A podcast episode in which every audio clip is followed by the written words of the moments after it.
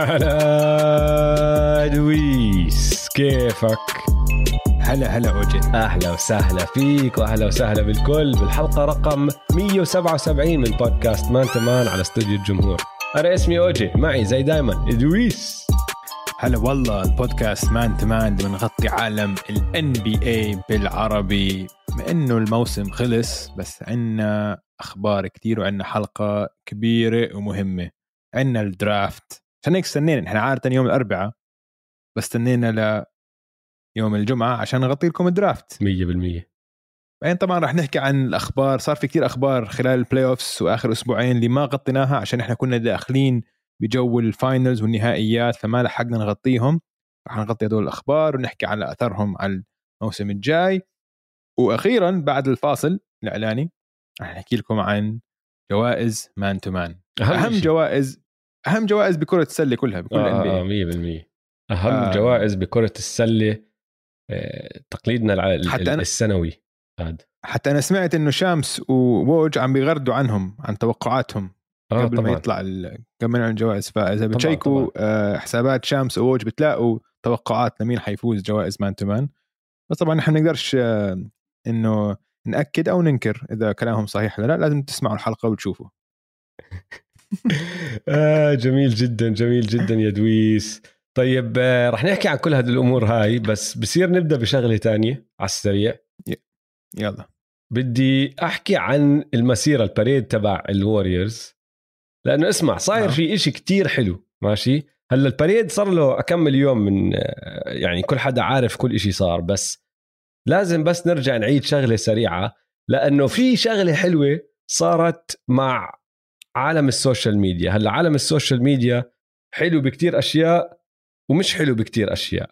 بس واحدة من. الأشياء اللي مية بالمية حلوة صارت اللي هو كيف غيرت ال championship parades تبعون ال NBA ما بعرف إذا الرياضات التانية نفس الإشي. أتوقع آه بس بصراحة ما بتابعهم. بس لأني بتابع ال championship parades تبعون ال NBA أنا لاحظت إنه صار في تغيير كتير كبير. بالزمانات كانوا بزهقوا. يعني مش إنه ال parade نفسه بزهق اللي عم بتابع ال parade وهو مش موجود بزهق اللي أنت راح تشوفه كواحد مش موجود هناك بزهق هيك إنه بتشوف ال highlights شوي وكل شيء تاني يعني مفلتر فهمت علي إنه بتشوف التلفزيون بده يورجيك إياه بس بعدين. آه. جاك واحد عبقري ما بعرف مين هو بس هذا الزلمة عبقري لو أعرف مين أنت يا زلمة باجي بسلم على إيدك وبحكي لك أنت عبقري جدا قرر إنه بدهم يصوروا الشغلة كلها. بدل ما يعطوك highlights قال لك ليش ما نصور ال parade ونحط ناس بيعلقوا عليه؟ فصاروا يصوروا من بداية ال parade لنهاية ال parade شو بصير مع الفريق. هذا العبقري فتح علينا باب رائع لأنه صرنا نشوف كيف بتغير ال attitude تبع اللعيبة كيف العقلية اللي هم فيها من بدايتها لنهايتها بتتغير. بطلت تشوف بس speeches والكوتشات واقفين وبيحكوا كل هالأمور. صرت تشوف كل إشي. تفاعلهم مع الجمهور تفاعلهم مع بعض تفاعلهم مع مليون إشي آه، الغنى الرقص كل هالأمور. واللي لسه زاد عليه أكثر هو عالم ال social media. لأنه صاروا الناس كمان يصوروا بتليفوناتهم من ال parade وينشروا مقاطع ما عم تطلع البث التلفزيوني. فصار ال parade كتير يسلي كتير ممتع كتير بيسلي. أنا كتير بحسه آه، برنامج أو يوم ترفيهي ممتع جدا بعالم ال NBA وطلع منه أشياء رائعة. يعني بال 2016 كان عندنا shirtless JR Smith shirtless JR Smith أسطورة. كان ال MVP تبع parade ال 2016 بدون أي شك. كان ال MVP تبع الأسبوع كله. صح ولا لا؟ تتذكروا؟ أكيد. 100% طبعا بال طبعاً، طبعاً. 2019 حتى آه. حتى أوباما قال لك وقتها أوباما كان رئيس الولايات المتحدة قال لك JR put your shirt on يا زلمه رائع حتى أوباما دخل يعني لهالدرجة كانت. بال 2019 ما حدا قرب على مارك جاسول.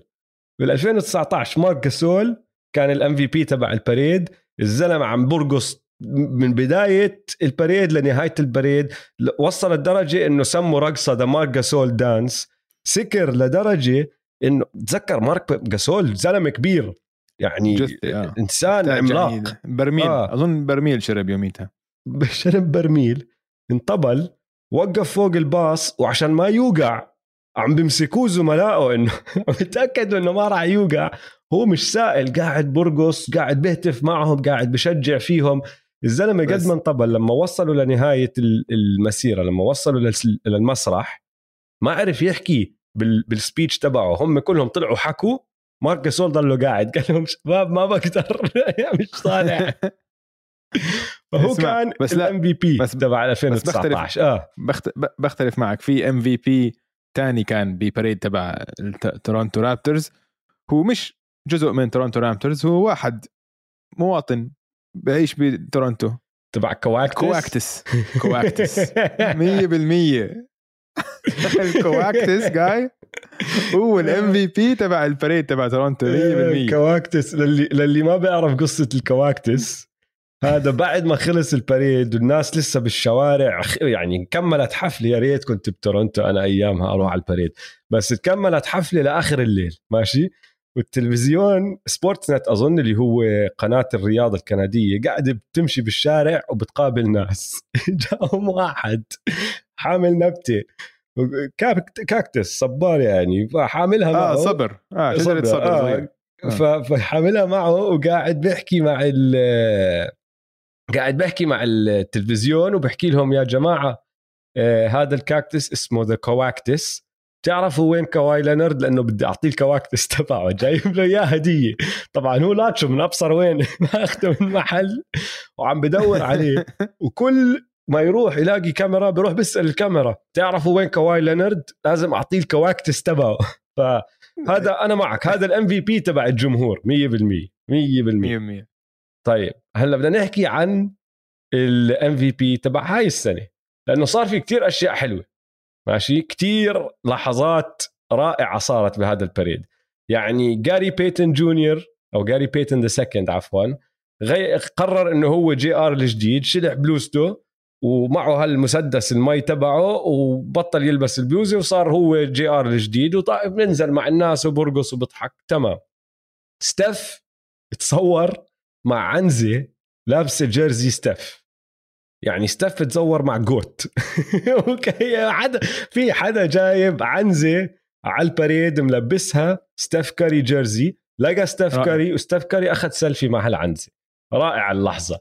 آه، دريموند وقف بنص ال parade قرر يروح يشتري بوظه دخل على محل آيس كريم وراح اشترى آيس كريم. كمل ال parade بعدين عادي. فلحظة كمان رائعة. أنا اللي متت عليها ضحك. آه، إجت لحظة صاروا يهتفوا الجمهور. you can cook لعايشة كاري. you can cook you can cook وهي واقفة معهم بتهتف وبترقص وهيك. رائعة كمان اللحظة. يعني parade صار فيه كتير. بس ال MVP تبع هذا ال parade بدون أي شك. كلي تومسون كلي تومسون أبدع. أبدع. أبدع يوميتها. الزلمة بدا نهاره راكب القارب تبعه عشان يوصل لبداية ال parade فاخذ هالقارب ولابس طاقية ال championship اللي بعطوهم إياها. بتعرف بعد المباريات بعطوهم 2022 champions وهدول الطواقي كل واحد على الفريق باخذ وحدة والمدربين الأمور. لابسها. ضاعت طارت بالهواء لما سالوه عنها بعدين بقول لهم I don't like littering دورت عليها. بس it's one with the ocean خلص صارت جزء من البحر. ضيع طاقيته وعم بصور حاله live streaming وصل.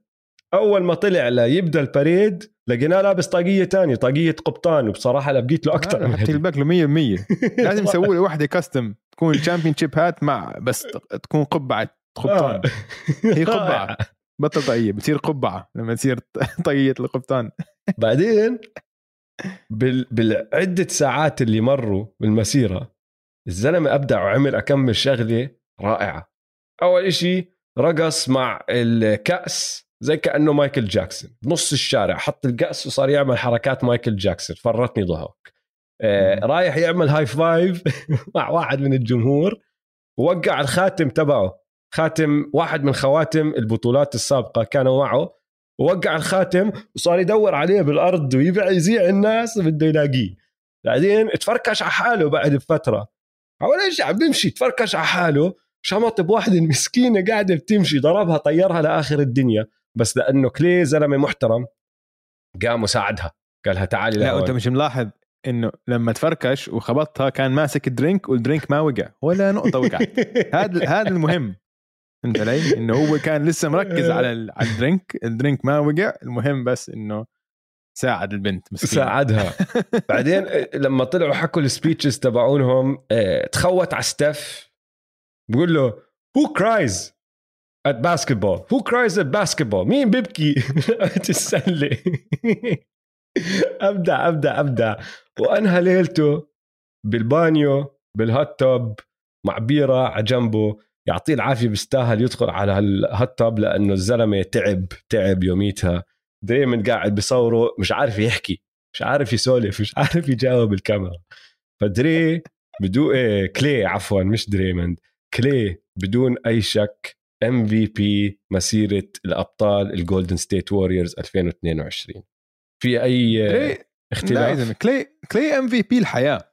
إنه كلي ك ك كإنسان MVP إنه هذا الشخص بدك إياه يكون بحياتك. أنت بتتمنى إنه يكون عندك شخص مثل كلي بحياتك.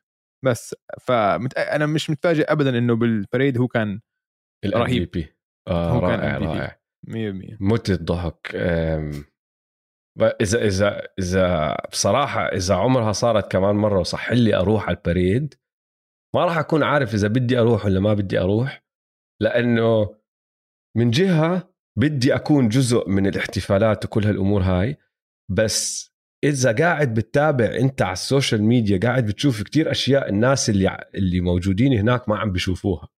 وأنا آه، متابع بتشوف. معهم كنت إنه هذاك اليوم ما عملت شغل. قاعد بتابع كل إشي عم بيصير كل شوي بيطلع لي شغلة جديدة. ومن كل الحسابات بتيجي والناس بتنشر وبتعمل retweet وكل هالأمور هاي وأنت بس فاقع ضحك يعني. في مليون إشي ما حكيناه دريموند F bomb شمط بال بال بال speech تبعه. آه، لابس تي شيرت عليها بوستن sucks وبعرفش إيش.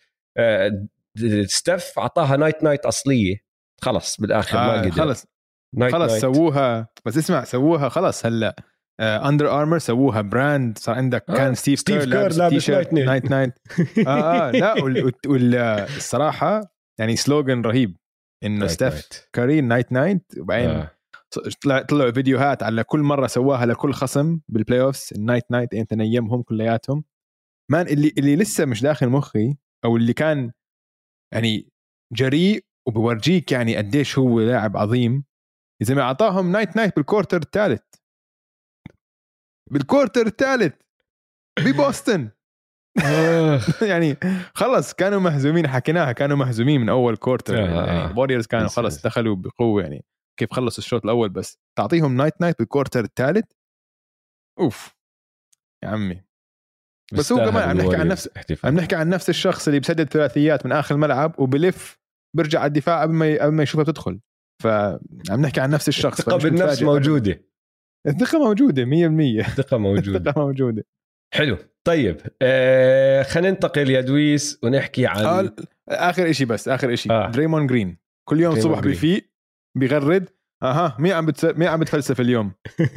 literally بحس مين لازم أبهدل اليوم؟ هيك عم بيسوي كل يوم بفيق. حتى امبارح شكاله كيفن دورانت قال له كيفن در... قال له yo دريمون this guy is out of pocket إنه هذا عم حق- بتفلسف. آه. روح عليه. روح. راح عليه. قال له you're dumb راح عليه طبعا.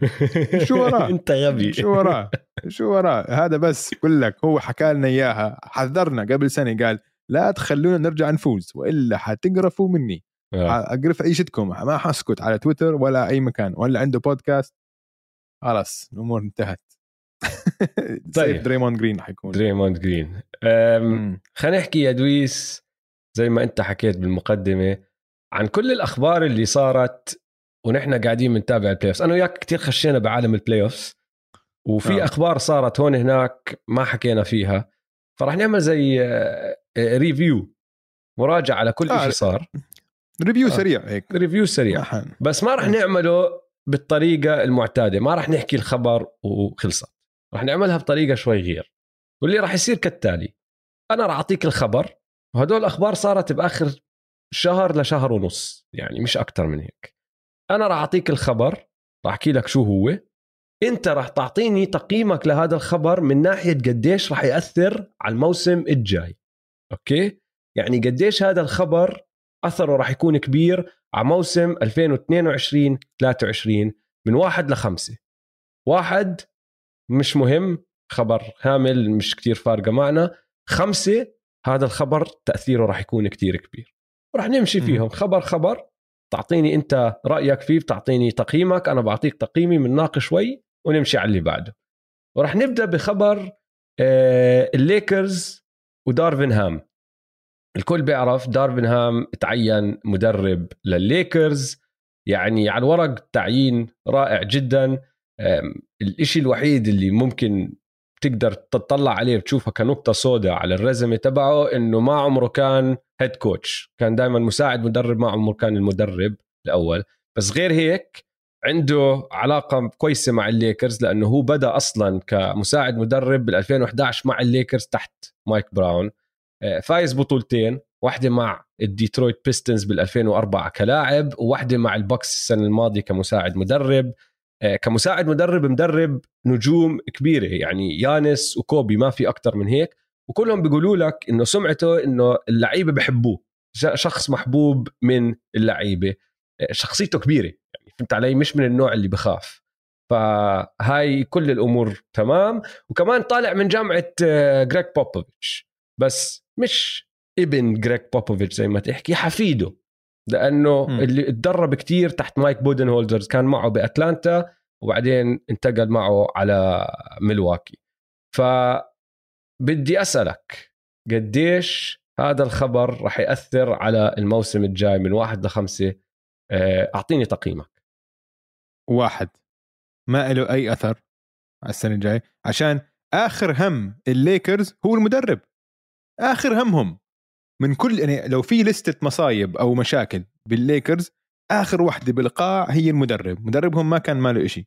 فرانك فوجل كان ممتاز. حتى defensive coach ممتاز كمان. ما عمل أي شيء غلط المشكلة المشكلة الأولى انثوني ديفيس مش على الملعب. المشكلة الثانية آه، راسل ويستبروك لسه على الملعب. المشكلة الثالثة ما عندك ولا لاعب تاني. عندك هدول الثلاثه جيمس وانثوني ديفيس وويستبروك والباقي كله veterans على ال minimum ما عندك إشي. آخر همك المدرب. هاي ما لها أثر بالمرة على الموسم الجاي. Nothing. Nothing. Unless لو بتغير الفريق ممكن. أما لو الفريق نفسه ما لها أي أثر. ابدا. آه، أنا بتفق معك بس تقييمي أعلى شوي من تقييمك وراح أحكي لك ليش. بتفق معك إنه هو مش السبب الرئيسي وكل شيء أنت عم تحكيه إنه السبب ما كان للمدرب ما كان المدرب كل الأمور هاي. بتفق. آه، راسل ويستبروك وإيش بصير مع راسل ويستبروك هو أهم عامل راح يأثر على أنتوني موسم الليكرز. أنتوني ديفيس. أنتوني ديفيس 100% آه لازم ثاني أحسن لاعب على الفريق بس أنتوني ديفيس أنت بتعرف شو راح يصير. راح يجي وراح ينصاب وراح يلعب و ما هي لو بنصاب كثير. كمان مرة لو بنصاب كثير حيروح عليهم ال playoff نفس السنة الماضية. إيه بس ممكن يلعب ممكن لا ما بنعرف. شيء مش معروف م. لسه حسب هو ولياقته وامكانياته الجسدية السنة الجاي راسل ويستبروك عارفين شو هو وعارفين إنه ما بالبق فحسب قرارهم وحسب شو بصير مع راسل ويستبروك أظن أثر هذا الإشي راح يكون أكبر. بس أنا مش حاطه واحد زيك لسبب بسيط جدا اللي هو مرات دخول مدرب جديد على فريق بنعش الفريق بعطيهم حيوية فهمت علي؟ بدخل على الفريق أفكار جديدة خصوصا هدول المدربين اللي سنه اولى اللي rookie head coach اللي كانوا لاعبين و rookie head coaches مرات بدخلوا بأفكار شوي كويسة جديدة ما فكروا فيها اللعيب المدربين السابقين. تقدر تستفيد أنت كمدرب من اللعيبه بطريقة ما فكر فيها حدا تاني وما بخافوا من هذا الإشي. خصوصا واحد زيه داخل من أولها يقول لك أنا مش خسران إشي يعني إذا إذا ما فازوا الليكرز ما حدا متوقعهم يفوزوا الكل راح يحط الحق على هدلاك. فأنا حاطه ثلاثة مش واحد بس كمان مش لهالأثر كبير.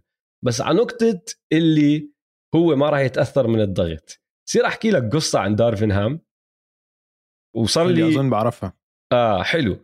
أنا صار لي حاططها كملاحظة من لما تعين وصار المؤتمر الصحفي تبعه وما حكيناها لأنه ما جبنا سيرة البودكاست بس لازم لازم تنحكى لازم معناتها هي نفسها آه. آه. معناتها هي نفسها تفضل آه احكي لهم احكي للجماعة لا المؤتمر الصحفي تبع دارفن هام حدا سأله عن الضغط اللي بيجي مع منصب تكون أنت مدرب الليكرز إنه بتعرف هذا من أكبر الفرق والعيون عليك وكل هالأمور هاي طلع عليه راح أحكي لك بالضبط شو حكى قال لهم I grew up in Saginaw, Michigan. I was shot in the face by accident.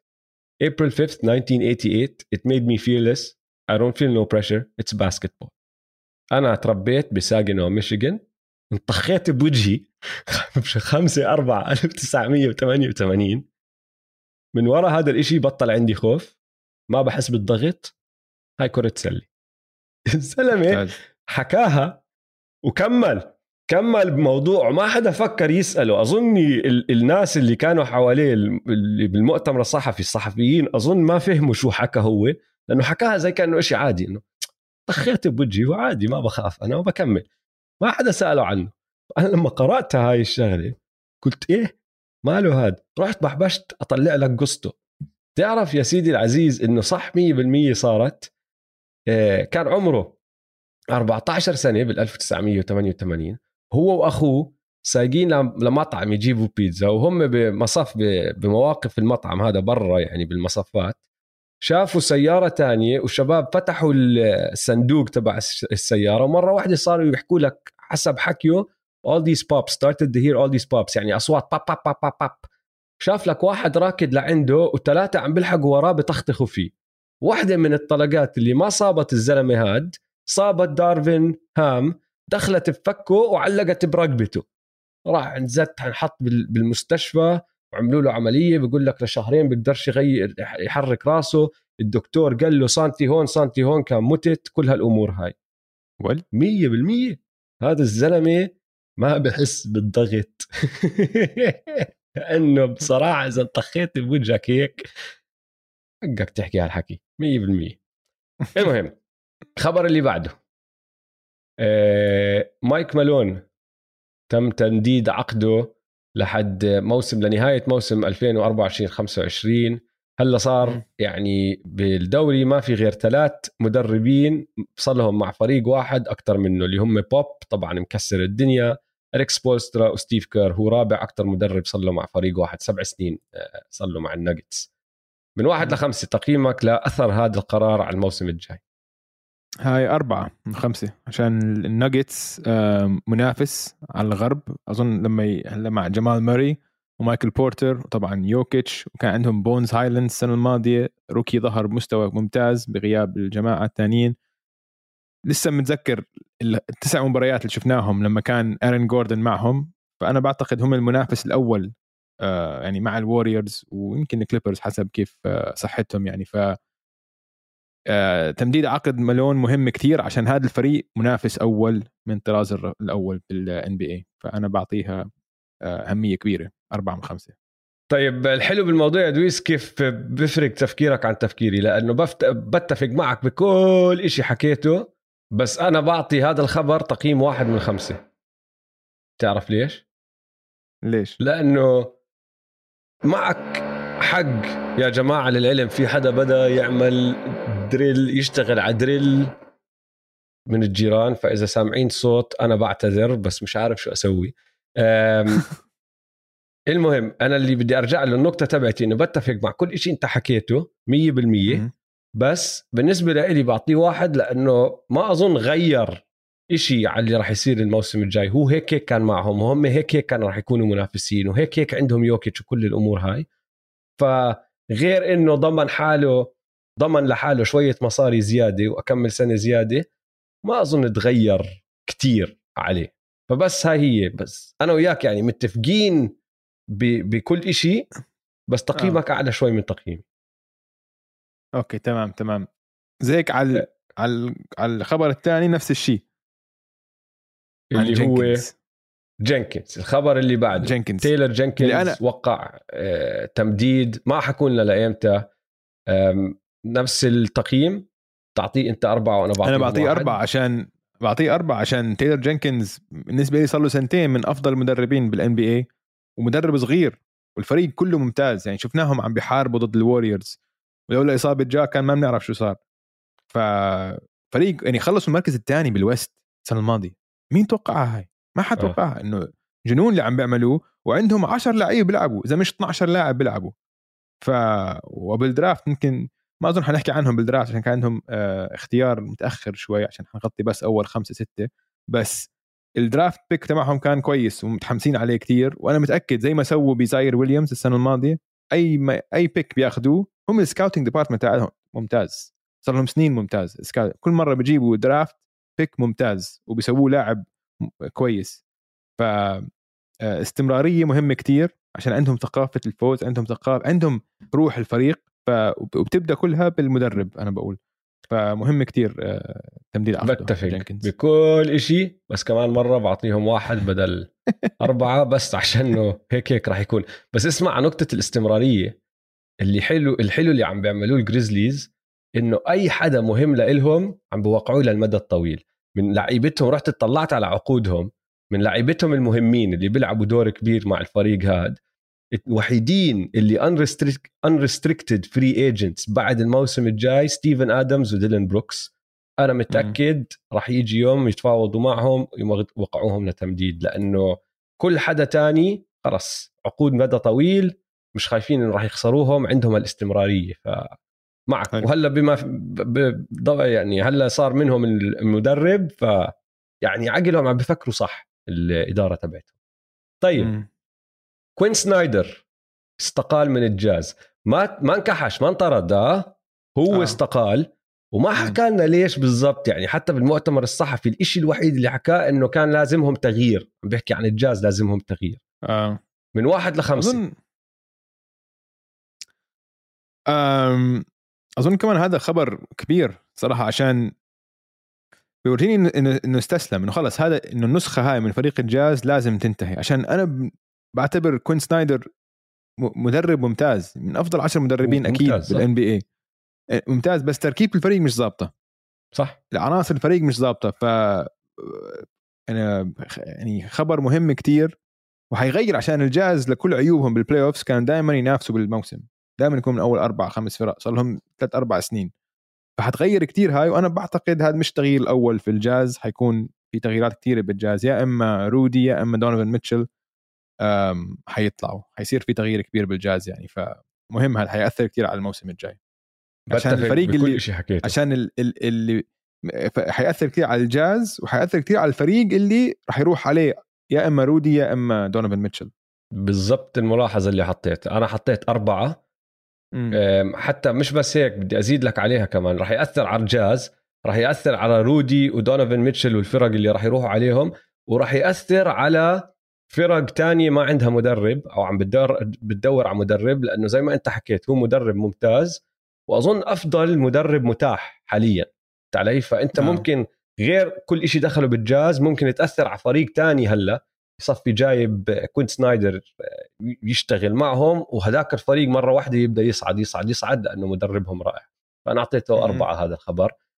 واحد من هالفرق اللي ممكن يحكوا معه هو النيو اورلينز شارلت عفوا رجعت لزمانات ال NBA الشارلت هورنتس وهو الخبر اللي عم نحكي فيه هلا آه، إنه كيني اتكنسون قرر أو قابل مع الهورنتس وقرر يصير ال head coach تبعهم وهم قرروا إنه يعينوه ك head coach وبعد البطولة بيوم قال لهم لا sorry تراجعت عن قراري أنا راح أضل مع الوريورز كمساعد مدرب ستيف كير ما بدي أكون المدرب الرئيسي تبع الشارلت هورنتس فأنا وقتها غردت وحكيت شغله في شغلة صارت ب يعني أسبوع ونص بوقت ال playoffs ما ما أعطيناها آه. نحن أهمية كتير بس هي مهمة. وقتها أول إشي صار إنه مايلز بريدجز اللي اللي لاعب حر عم بدور على عقد جديد. الغبي طالع ومغرد صورة. الصورة فيها آه، حشيشة ملفوفة يعني سيجارة حشيش وكاسة وجوا الكاسة مشروب لونه نهدي. وأنت بتعرف بعالم ال NBA لما تطلع على هذا الإشي كل حدا صار يحكي لك هذا إيش اسمه؟ ال lean lean. اللي هو الكودين آه اللي بيشربوه مع ال soda آه ال syrup آه آه آه, آه ال syrup له عليه. ومصورها وبعدين شكله لاحظ شو سوى راح شطبها بس طبعا بعالم الإنترنت ما في إشي هيك. screenshots. بعدها باكمل يوم مونتريز هاريل عم بسوق بسيارته. أخذ آه، لفة غلط بدون ما يحط الغماز ولا في ضوء مكسور. ما بتذكر شو القصة بالضبط بس المهم وقفوا الشرطي شم ريحة السيارة. قال له إذا سمحت إيش في؟ عم بتدخن حشيش؟ فقال له اطلع من السيارة. فتشوا السيارة لقوا معه 3 pound حشيش. 3 pound بال US يعني أنت بدك توزع وتبيع شو عم بتسوي أنت؟ صرت تاجر؟ مش فاهم. وهداك من وراء هذا الإشي ممكن ينسجن. مش إنه مخالفة ممكن إذا عنده محامي رائع ما بعرف شو راح يصير معه. وين كان في بأي ولاية؟ تعرف بأي ولاية؟ هي بتفرق كثير بتذكر بس هلا راح اطلع لك عليها. آه بس الشغلة إنه بيقدر ينسجن آه. كنتاكي. وين ك ب آه. آه. بكنتاكي. راحت عليه. راحت عليه راحت آه. عليه. لو بكاليفورنيا أو كولورادو أو في عندك كثير ولايات صارت legal ما هو فما كان سووا له شيء ما صارت يعني legal 3 pound دويس لا لا لا بس بس على الأقل ما بتروح على السجن. إنه illegal تاكل fine آه. بتاكل لك شيء بس ما حدا بهدول الولايات حيروح على السجن على شيء مش illegal فهمت علي؟ أما إذا أنت بكنتاكي ولا ابصر وين وأنت أسود كمان يا حبيبي. أنسى. hard luck مونتريز wrong skin color غبا غبا غبا مش معقول. غبا اسمع رو... مش معقول. مونتريز wrong skin color wrong state كله غلط. wrong substance wrong quantity wrong كل شيء wrong كل شيء. فشكله كيني اتكنسون كان مركز كتير على ال playoffs صحي بعد البطولة وقرر يركز على شغله الجديد قرأ كم من خبر قال لك شو بدي وجع هالراس حلوا عني رن على جوردن. قال له مايكل I'm out bro في 30 منصب مدرب فقط بال NBA بالعالم مش بس بال NBA 30 تعرف قديش صعب انت تصير مدرب؟ بس هيو. قال لك بديش ما بدي. آه تقييمك للخبر هاد وأثره على الموسم الجاي من واحد لخمسة. مهم كتير عشان الوريورز بتكلوا عليه كتير. هذا مدرب ممتاز. هذا المدرب اللي أنعش النتس. وأنا لسه بقول سبب كبير إنه النتس هلأ بحالة مزرية عشان آه كيفن دورانت وكايري ما كانش بدهم ما كانش بدهم يلعبوا مع كيني اتكنسون أو ما بتفق رؤيتهم ما بتتفق مع رؤيته واللي هم رؤيتهم التخبيص. هذا مدرب ممتاز وزلمة كويس ومحترم. الوريورز محظوظين فيه فإنه ضل على الوريورز هو حيكون آه يعني ممتاز للوريورز خبر ممتاز ممتاز للأبطال. حلو. حبيت كيف اخذتها أنت من ناحية الأبطال. أنا ما فكرت. من ناحية الأبطال أنا كنت عم بفكر من ناحية شارلت. أنا قلت بصراحة ما أعطيته تقييم to be determined TBD لأنه بدي أعرف مين راح يعينوا محله. يعني إذا كوين سنايدر for example إذا جابوا كوين سنايدر لأنه متاح واقتنع تمام. إذا دي أنتوني لأنه دي أنتوني كان على أساس الخيار الثاني دي أنتوني لاميلو بول ومايلز بريدجز وهذا الفريق. مع إريك كولينز؟ آه okay بس يعني بس يعني بدي أشوف شو راح يصير. بدي أعرف شو راح يصير مع مونتريز الغبي.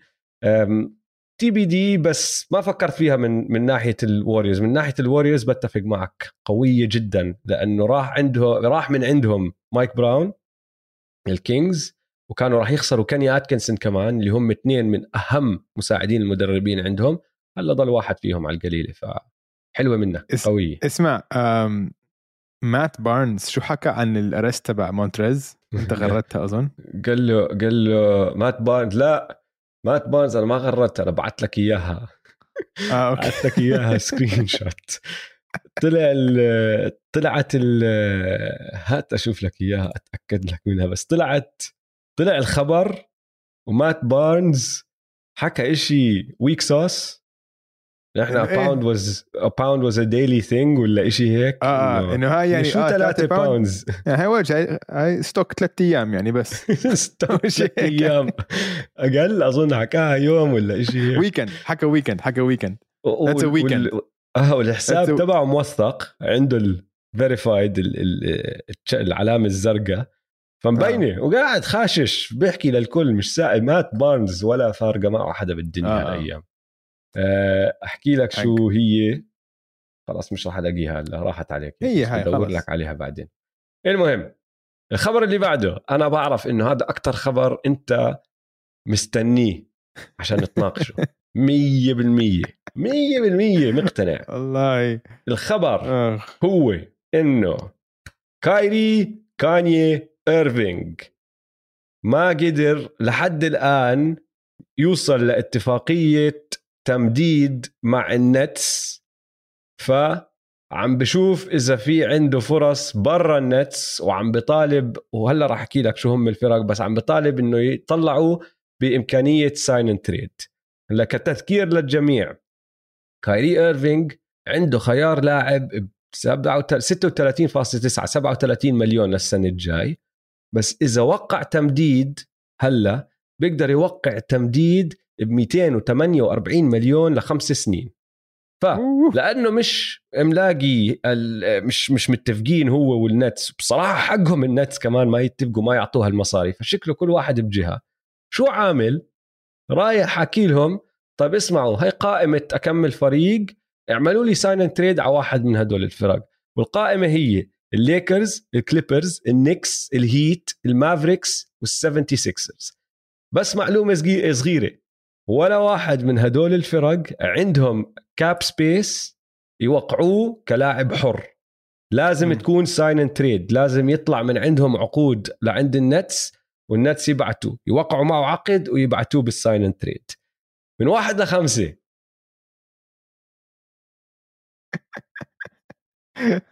إيش خمسة man؟ خرب الدنيا man. خرب خمسة. خرب مسيرة كيفن دورانت. خرب مسيرة خرب مشروع النتس النتس كانوا على مشروع رائع. man StatMuse حطوا تغريدة رائعة. 2019 متذكر قديش النتس كان فريق ممتع؟ وكان ال- المعنويات إيجابية. ووصل ال playoffs مع دي انجلو راسل ومع تورين برينس ومع ابصر مين راحوا إجوا هذول خربوا الدنيا. كيفن دورانت وكاني ايرفينج كارثة. كارثة خمسة. 100% بس اسمع. متذكر آه. قلت لك عن الكتاب تبع النتس آه. آه في كاتب كتب كتاب تبع النتس الأشياء اللي النتس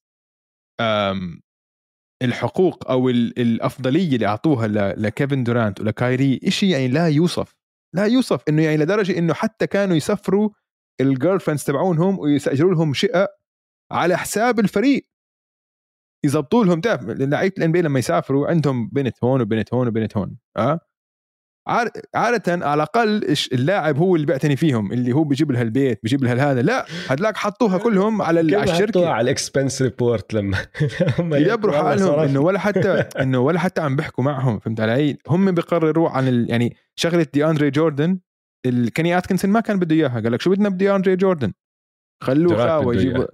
دورانت بده اياه يعني سلموا سلموا كل القرارات ل هدول. للاعب للاعب هدول الاثنين آه، فمصيبة. يعني هلا مصيبة لو ما بيتفقوا معه. وحقهم 100% يعني كايري شو كايري عمل لك آخر سنتين ثلاثة؟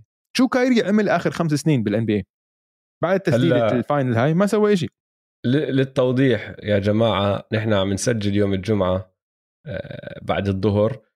لحد هلا ما طلع إشي إنه من أي حدا آه، 100% كلها إشاعات. وعم تطلع تقارير هون هناك عن شو عم آه. بيصير. بس التقارير هاي صارها بتطلع من زمان بس عم بتزيد هلا. لأنه مم. جاي ال free agency سوق الانتقالات راح يفتح عن- قريب. فممكن تكون استراتيجية من طرف كايري عشان يجبر النتس يعطوها الخمس سنين. أنا لو إني محل النتس مستحيل أعطيه الخمس مستحيل سنين. مستحيل. مستحيل ولا بقرب على الخمس سنين. بس. ما بنعرف شو راح يصير. بس بدي أعطيك بدي أعطيك إياها هي القصة كلها. بدي أحكي لك مين هو كايري. أوكي؟ برايي مم. كايري ايرفينج يا سيدي العزيز عمره كان عندك صاحب آه لك بيجي بيحكي لك اسمع تعرف عن هاي البنت كذا كذا وأنت مم. بتعرف البنت والبنت رائعة ملكة جمال ملكة جمال مش عشرة من عشرة 30 من عشرة بس مم. معروف إنها ولا حبة مجنونة آه يا طبعا آه، okay كلنا كنا هاي البنت هاي البنت المجنونة اللي ولا حبة هي. آه. كايري ايرفينج ماشي آه. آه. الصاحب الصديق لك هذا بده يطلع معها لهاي البنت عشان إنه قد ما هي حلوة مش قادر إنه هو بس عم مهبول. الحلاوة تبعت. آه معمي. هو عارف هو مهبول يا عيني عليه هو عارف براسه إنه هي مجنونة إنه هي ولا حبة إنه هي راح تخرب بيته إذا طلع بس معها. قطعة. بس قطعة. بس قد ما هي حلوة بده ينسى. كايري ايرفينج هو هاي البنت الحلوة لكل فرق. ال NBA لكل مية الفرق. كلهم حاف- حافظين الدرس فاهمين؟ هاي البنت الحلوة طلعت مع أربع شباب أنت بتعرفهم كلهم وعلنا كلهم حكوا عن قصص كايري وأنت شفت الدمار الشامل اللي صار فيهم. هداك شطبت له سيارته بحيط هداك بعتت بعت له بيته ما حكت له أخذت المصاري وشلفت. هداك بطلت ترد على تليفوناته لسنتين انجن الولد. مفهوم القصة. آه. بس قد ما هي حلوة الناس لسه تفكر فيها آه. آه. هذا كايري آه. ايرفينج والشباب هدول هم فرق ال NBA وهذا اللي راح يصير هلأ اسمع ذكرتني في فيديو مشهور كثير على الإنترنت على على, على يوتيوب ال hot crazy matrix متذكر متذكر شباب هلأ هلأ أو بعد الحلقة بس تخلصوا الحلقة روحوا على يوتيوب hot hot crazy matrix okay؟ بيطلع لك واحد زي كأنه أستاذ رياضيات على whiteboard بصير يرسم لك ال hot crazy matrix جد من أعظم ال videos بتاريخ يوتيوب. احضروه وشوفوا. شيء رهيب كايري آه. سكر العداد على ال hot crazy مية مية. لا لا إنه. يتم تفسيره 100% بخلال الفيديو ده اسمع أنا اللي ما فهمته. لما طلعت قائمة الفرق ليكرز فهمنا كليبرز راح تكون كارثة لأنه ما عندك ولا واحد على الفريق بيقدر يمسكه ما في شخصية تمسكه. آه، النكس ماشي النكس. الهيت ما أظن يقبلوا فيه أصلا. أظن الفريق الوحيد اللي لو اجى عندهم قال بيقولوا لك أكيد لا. No بات way. رايلي راح يطلع No way. بات رايلي هو صاحبك اللي ما بيقبل بالشك فبتصفي هي بدها إياه. آه، بقول لك لا. مجنونة انت. بالضبط. الفريق. هذا الصاحب العاقل. آه. أيوه الوحيد. ال- الفريق الوحيد الفريق اللي ما فهمته.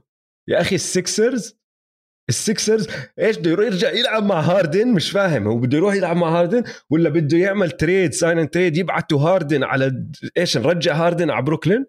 شو عم نسوي بالضبط مع السكسرز إيش الفكرة اللي بباله؟ إنه أنا بدي أروح على السكسرز شو عم بفكر الأخ لما قال لهم سكسرز السكسرز على القائمة. مش فاهم. ولا شيء. ما بعرف. تخبيص. قصة كايري وأنا متأكد راح نحكي عنه أكثر الأسبوع الجاي لأنه الأسبوع واللي بعده حتى لأنه راح نكون قربنا على ال free agency 100% طيب أنا وياك متفقين يعني هاي خمسة من خمسة صح؟ آه. لأنه دورانت دخلوا فيها وكايري والنتس وكل حدا. حلو. جميل. اتفقنا. آه، دالاس عملوا صفقة أخذوا آه، كريستيان وود من الروكيتس. وبعتوا البطاقة رقم 26 بال draft امبارح مع بوبان تري بيرك ماركيس كريس وستيرلينج براون على ال على الروكيتس من واحد لخمسة. خمسة. أوف حكي كبير. طبعا. أنت عم تحكي عن فريق وصل نهائيات القسم الغربي. هلا ضاف واحد لاعب all star caliber هذا بصير هلا ثاني أحسن لاعب على الفريق. هم نقطة ضعفهم كانت ما عندهم آه وجود تحت السلة. هذا عنده آه لياقة البدنية عالية آه بيسدد منيح من برا. حيكون pick and roll partner رهيب. للوكا. وممتاز يعني upgrade مخيف. مع مره واحدة انت زدت ثاني أحسن لاعب بدو- بدون ما تتخلى عن أي شيء مهم. ما تخليت عن ولا شيء مهم. تري بيرك ما كان عم بيلعب بوبان ما كان عم بيلعب. باقي ما كان عم بيلعب. وال number 26 pick عادي. فبالعكس أنا شايفه هاي رفعت سقف دالاس كتير. آه، okay. ما بتفق معك 100% بتفق معك بدي أكون واضح قبل ما أحكي. أنا تقييمي ثلاثة للعلم ماشي؟ آه بدي أوضح شغلة. أنا أظن هذا trade رائع ماشي؟ هذا trade مم. ممتاز لدالاس لأنه ما خسروا إشي زي ما أنت حكيت. ولا واحد من الشباب كان عم بيلعب وال pick البطاقة رقم 26 شو هالبطاقة؟ 26 بتجيب غيرها. فأنا بتفق معك trade ممتاز وأكيد لازم يعملوا. بس ليش أنا بحط التقييم عندي برقمه ثلاثة بدل ما يكون خمسة؟ لأنه مش يعني ماشي trade ممتاز لازم تعمله لأنك ما خسرت إشي بس مش باللي اللي بيسموه game changer وليش راح؟ أحكي لك مش game changer إيش؟ أنا راح أحكي لك استنى علي أحكي لك أشرح لك رأيي. هذا الزلمة كريستيان وود فعال بالتسديد يعني دائما نسبه عالية وبيعرف آه. زي ما أنت حكيت يسدد من جوا بيعرف يسجل من برا وراح يستفيد من لوكا وصناعة اللعب تبعت لوكا 100% rebounder ممتاز يعني يعني لما يطلع الملعب double double الزلمة ماشي okay بس هدول إيجابياته سلبياته كتير إيه مدافع؟ تعيس تعيس تعيس تعيس تعيس واللي أسوأ من هيك إنه عقليته أتعس من دفاعه تذكر السنة الماضية قلت لك عن مباراة آه، هو وكيفن بورتر آه، تم إيقافهم ع- أك- مباراة أو مباراتين ما بتذكر بس تم. إيقافهم الاثنين لأنه واحد روح بنص المباراة لأنه عصب. على المدرب والثاني قال له المدرب تعال ادخل إلعب قال له ما بدي وما دخل على المباراة يعني رفض إنه يدخل ومدربه عم بيحكي له تعال إلعب عقليته تعيسة وما عمره لعب بفريق وساعد فريق للفوز دائما عنده أرقام. هلأ يعني معدله كان نازل السنة الماضية السنة اللي قبلها أظن كان فوق ال20 بالتسجيل آه، معدله. بس ما عمره ساعد فريق للفوز. بدالاس عنده نظام عنده مدرب راح راح يدمر راسه عنده مدرب راح يضل يصيح عليه. فبشكل عام بحكي لك trade إيجابي بس ليش أنا مش معطيه خمسة؟ معطيه ثلاثة لأنه ما بعتبر هاي هي القطعة الناقصة لدالاس. هاي قطعة ممتازة إذا عرفوا يديروا بالهم عليه إذا عرفوا كل هالأمور هاي بس ما ما يكتفوا فيها. بس هاي هي نقطتي. فهمت علي؟ okay. أنا شوف بختلف إنه بختلف معك بشغلتين كتير مهمة. إنه أنت بتحكي هو bad defender و bad attitude هاي نتيجة إنك أنت على فريق tanking انت من اول ما دخلت ال NBA فريق tanking انت. شفنا اكبر مثال اندرو ويجنز المنظومة كتير بتفرق. انت ال- ال- ال de- ال defense ما بده مهارات. defense بده مجهود. 90% منه مجهود. هو عنده كل المقومات يكون defender ممتاز. أنا متأكد مع دالاس مع الفريق مع عقلية صح مع جيسون كيد مع فريق عم بينافس حيدافع ممتاز. وال attitude عشان إنه قرفان أنت عم تلعب على فريق tanking أصلا. أنت الفريق ما كان بدك يفوز. فكتير سهل يطلع هيك قصص وهيك. فأنا ما إنه هاي القصص ما بقول إنه بتشكل لي نظرتي عنه عشان أنا شايفه إنه لاعب آه عنده كل الامكانيات يكون لاعب نجم هو أصلا لاعب نجم ال attitude. وال bad defense لسه ما صار. ال attitude لاعب جيد لا he's star يعني جيد okay. جيد لو عندك. إياه على ال fantasy بتلاقي بتفكره نجم فانت ما جاي أحكي آه. لك أرقامه ما اسمع أرقامه آه بس هو على. بس هو على team tanking شو دخله هو؟ it's not his fault مش الحق مش عليه انه هو على team tanking كان مع ديترويت. كان مع دي آه بس آه، قبل ما يطلع من عنده شو اسمه هاردن. مين؟ هو. مش أول سنة لعب. استنى أتأكد لك من هاي الشغلة. الزلمة. الزلمة لعب آه مع ديترويت آه لا راح من ديترويت للروكيتس الروكيتس. أول موسم له 2020 21 لما كان هاردن أصلا مطقع في بداية الموسم. فهو يعني فالح... هو الفرق اللي عم بيلعب عليهم tanking كلياتهم tanking أو منتهين قبليها كان مع شارلوت هورنتس ب 2017 بعدين كان مع السكسرز ملوك ال process فهاي الشغلات أنا بقول تتظبط بسرعة يعني هلأ لسه ما نح... ما حنقدر نجاوب الجواب هلأ بس أنا مقتنع إنه أول ما يبدأ الموسم مع فريق بينافس حيغير كتير من إنه ما. حنشوف bad attitude ما حنشوف bad defense إذا غير وقتها بتفق معك حركة مم. ممتازة بس مش مقتنع إنه راح يقدر يغير لا أشوف لما أشوف okay. أرض الواقع إنه والله هذا الزلمة شاد حاله وقتها باجي بحكي لك آه لأنه كمو... كموهبة كإمكانيات عنده الإمكانيات بس ما عمره. ما, ما عمره مش مش winning player ما عمره ساعد فريق يفوز بس ما عمره كان على فريق وعقليته winning زباله يا أخي حتى لو أنت بفريق خسران ما تقدر حتى لو تحكي هيك man تقدرش تحكي عقليه زباله إنت يا أخي فريق في مليون. لاعب بفريق بفرق tanking ما بيعملوا اللي هو بيعمل آه ما بعرف أنا ما في مليون. لاعب مليون لاعب بيلعبوا بفرق سيئة ما بيعملوا اللي هو سواه ما بوصلوا للدرجات اللي هو وصل فيها فهمت علي آه. يا أخي. مرات كنت تحضر له بيطلع بس آه، لو, لو شو. ما حكيت بس لو لو شو ما كان هلأ أنت عم تلعب مع فريق tanking أسوأ إشي بالدنيا man إشي بدمر النفسيه تلعب مع فريق tanking بتفاجئ أنا ما أكيد في قصص اسا أكثر عن لعيبه قرفانين بدهم يلعبوا أصلا خلينا نشوف اذا نشوف. اذا إذا شد حاله وغير عقليته أنا أول واحد راح أحكي لك حقه علي. تمام. وضعه صح. أنا بعطيها ثلاثة لأنه برجع بعيد للعلم. تريد ممتاز. ما عم بحكي إنه مش تريد ممتاز. أنا مقتنع 100% إنه تريد ممتاز. دالاس هلأ أفضل من مكانه على الورق معه بإضافته. مم. بس ما تخلوا عن يكتفوا بس حدا. هاي هي شغلتي. ما تخلوا عن ولا حدا. هذا- هذا الإشي الغريب. ما تخلوا عن ولا ولا حدا حدا كان بيلعب. 100% آه ما آه، تخلوا عن ولا يعني- حدا 100% بس يعني آه. الأهم لإلهم أنا بالصيف أشوف شو بيعملوا مع جيلن برانسون على سبيل المثال فهمت علي؟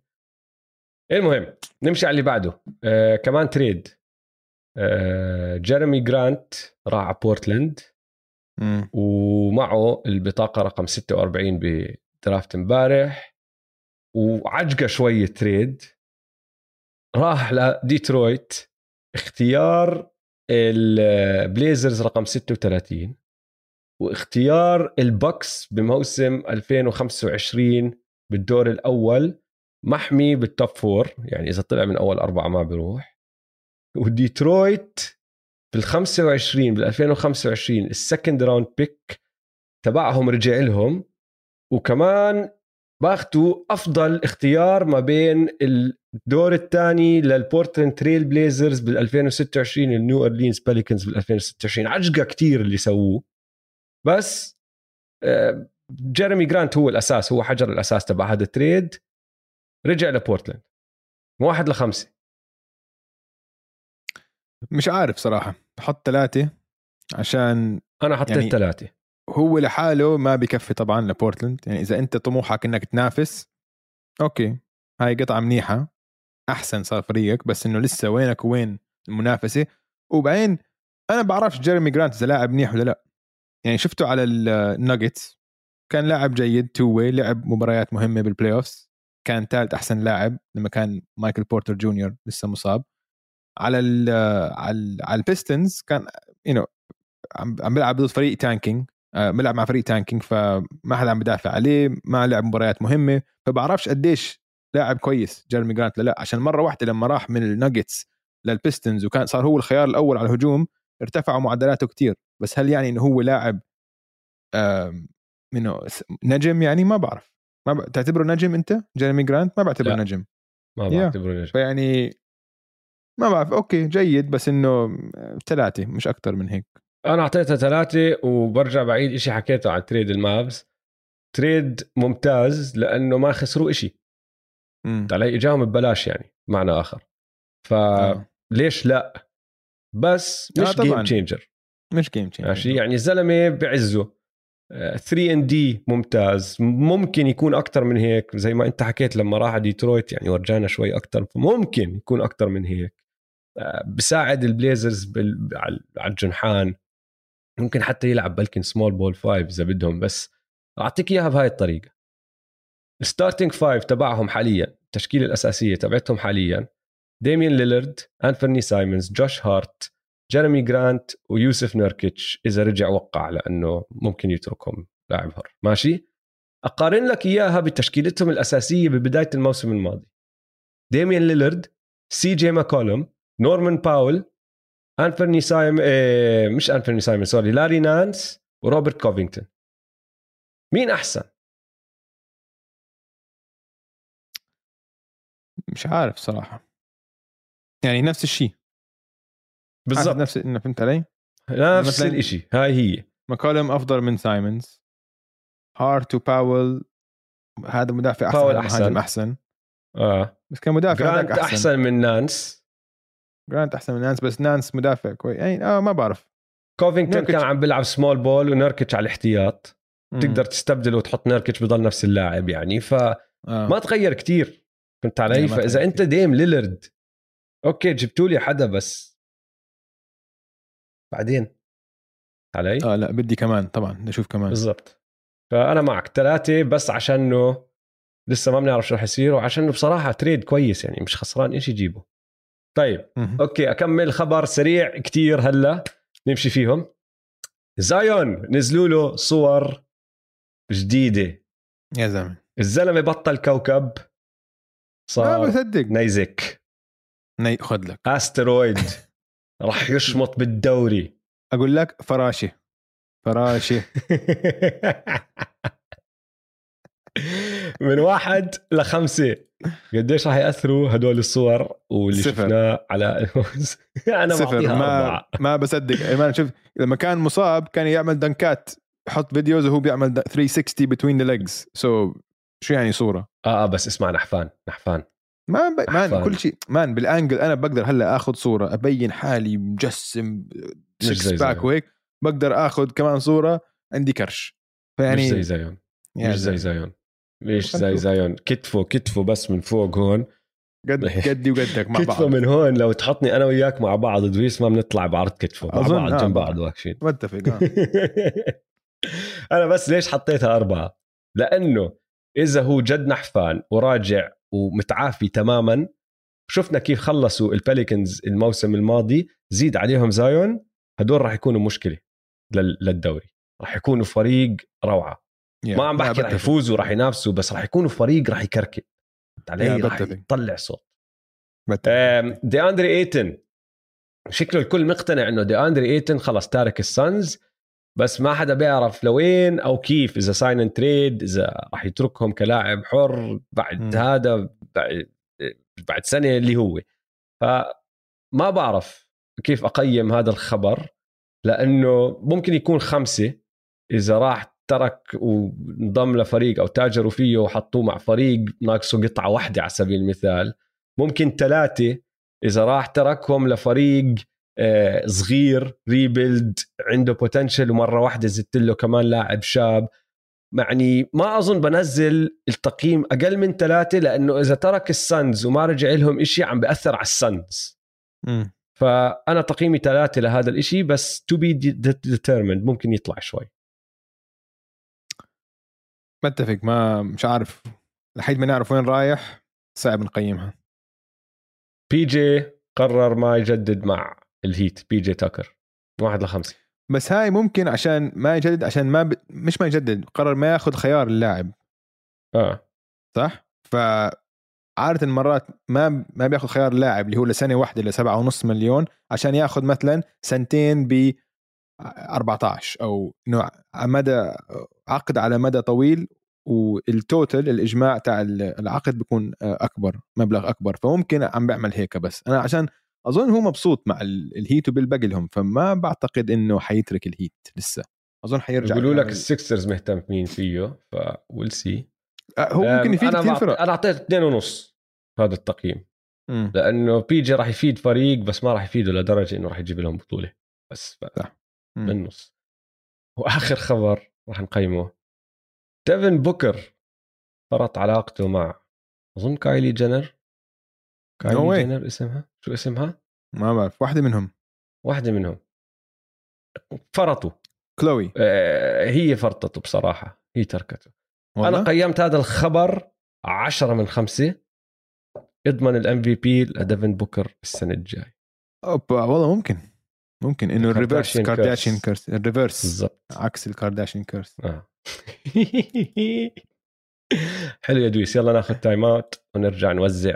آه لا لسه. لسه عندنا نحكي عن ال draft. ال draft نحكي عن ال draft هلا ال draft. ولا خلينا ناخذ ال draft time out وبنحكي عن ال draft بعد ال time out okay يلا. يلا.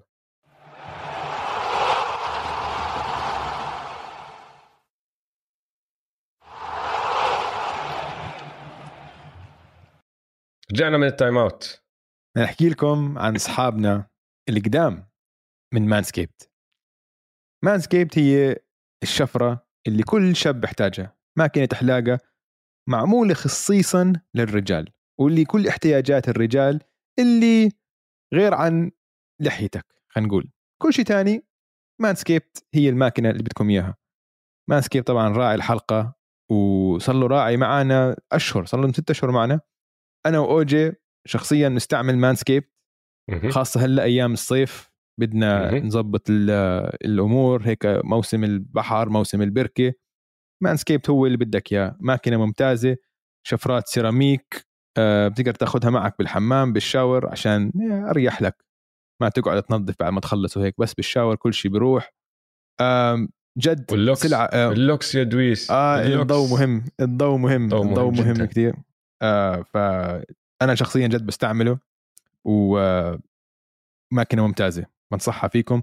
ممكن تشتروها من mena dot manscaped dot com بيطلع لكم 20% خصم إذا بتحطوا الرمز M2M بدك تضيف شيء اوجي؟ بنصح الكل يشتري الماكينة جد ما عم بمزح من أفضل الماكينات وأفضل المنتجات اللي استعملتها بحياتي ده اللي وإذا بتعمله. 100% وإذا أنت عندك وحدة already اشتري وحده لصاحبك أو لأبوك أو لعمك أو لأخوك اشتريها كهدية إيه. كمان تاخذ خصم آه.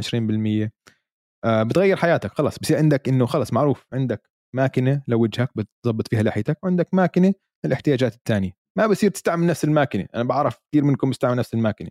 ما بصير. عيب. جميل. طيب آه خلينا نحكي عن ال draft okay. لنبدا ال draft يا جماعة أنا وأوجي ما بنعرف شيء عن الدرافت. احكي لكم بس. يعني مش شايفين ولا مباراة من الشباب. نحن اختصاصنا ال NBA وهالأيام مش جامعة. ما بنحضر جامعة ما بنلحق شيء بس نحن بنتابع أخبار ال NBA وبنقرأ عندنا ناس صحفيين و podcasters بنتابعهم فراح نعطيكم شو هم عم بيحكوا أو شو الحكي عن هدول اللعيبة. بس عم نحكي عن أول خمسة وبعدين يمكن نحكي عن نذكر كم من لاعب تاني اختيار كان مثير للاهتمام. بس يعني هدول مش آرائنا. مش آرائنا هدول آراء ناس تانيين نحن عم جمعناهم وعم نقرأ لكم اياه عشان ما حدا يجي يحكي لي كمان شهرين ثلاثة أنت حكيت أنت عن هذا اللاعب هيك. لأنه أنا بصراحة ما بعرف عن اللعيبة. هدول رح أبدأ أبني أفكاري الشخصية عنهم بعد ما يدخلوا على الدوري وأصير أشوف. بالضبط. مثلا أحكي لك شو صار. ما نحن تعلمنا عشان بالبودكاست كل ما ما في شيء كل شيء بتسجل. ما حد بينسى شيء قبل سنتين ونص لما بلشنا البودكاست قبل ثلاث سنين كانت ال draft تبعت زايون وجا مورانت وكنا عم نقرأ كنا نفس الشيء مش شايفين نحن هذا. كنا أنا بس كنت شايف زايون عشان كان زايون كان شيء قوة خارقة فبس كنت شايف زايون ما كنت شايف جا مورانت فواحد من ال scouting reports اللي قرأتهم كان يشبه إنه جامورانت براسل ويسبروك وإنه بيعرفش يسدد وإنه كذا. فأنا طلعت على البودكاست زي الأهبل. وحكيت إنه اللي حيخيب الآمال هو جامورانت بدون ما أشوف جامورانت إنه على أساس إنه أنا بفهم ها أه؟ فتعلمت من غلطي طبعا كان أكبر غلط فادح. وللآن للآن كل شهرين ثلاثة واحد بيكون عم بسمع واحد من المستمعين عم بسمع حلقة قديم بيقول أنت كيف هيك حكيت عن جامورانت قلت لهم والله العظيم إنه ما كنتش شايفه بس قرأت عنه مقال إنه بيشبه راسل ويسبروك وراسل ويسبروك بيعرفش يسدد وكذا بس عنده لياقه عالية. فأنا قلت هاي مصيبة بس طلع ملوش علاقة ابدا براسل ويسبروك. بصير أحكي لك عن غلطة فادحة تانية كمان صارت معك. قريبة على قلبي. السنة الماضية بعد آه. ما ماساي اوجيري أخذ سكوتي بارنز وأنا قلت لك I believe in ماساي. أنت اجيت قلت لي راح تندموا. راح تندموا. بس هاي فاجأت الجميع. حكي عن جيلن ساجز بس هاي فاجأت الجميع. إنه كل حدا فاجأت الجميع. آه. آه كل حد ما عدا ماساي اوجيري طيب اسمع طيب. على السريع نحن نحكي عن أول خمسة. قبل هذا طبعا في مسابقة كثير مهمة نذكرها بين الماستر وبين student بين ال بين ووج وبين شمس. طبعا بين بتعرف الصراع دائما وبين المعلم. الأستاذ والتلميذ. ال score تبع هاي ال score تبع هاي السنة شامس شامس كسحه. شامس فاز 19 11 فهل نحن عم نشوف 19 draft pick صح؟ آه. ووج وهداك 11 11 آه آه. خلص طلع عنه. شامس طلع عنه. مش آه. أصغر. مش بال free agency السنة الماضية. كمان أو بال trade deadline عفوا السنة الماضية أو السنة هاي يعني الموسم اللي فات. كمان طلع عنه وكان آه، كانت أول مرة أظن شامس بال trade deadline آه بتفوق عليه. آه بال trade deadline بيطلع عن عن ووج صح؟ صحيح خلص. صحيح. انتهت أيام ووج انتهت أيام ووج خلص طلع من عزه. طيب اسمع هلأ الحكي كتير بشكل عام إنه كان عندك ثلاثة لعيبة هم ال top 3 وكل حدا كان مش عارف وين يحطهم اللي هم باولو آه، بانشيرو تشيت هومجرين وجباري سميث هدول هم المتفقين عليهم أجمع الفرق وأجمع الكشافين وأجمع المحللين إنه هدول هم أفضل ثلاثة الترتيب تبعهم بيختلف وين ما تروح. ناس حاطين تشيت أول ناس حاطين باولو أول ناس حاطين جباري سميث أول. اللي طلع في ال draft هو رقم واحد باولو بانشيرو راح من من جامعة ديوك راح على الأورلاندو ماجيك هلأ باولو بانشيرو بيقول لك إنه لاعب جاهز لل NBA scorer و versatile wing إنه wing ممكن يدافع على الأربع مراكز وكذا. جاهز كتير لل NBA معلومة صغيرة هو من سياتل فقدوته بالحياة جمال كروفورد عشان كان دائما يروح على مش كان دائما يروح على شو اسمه؟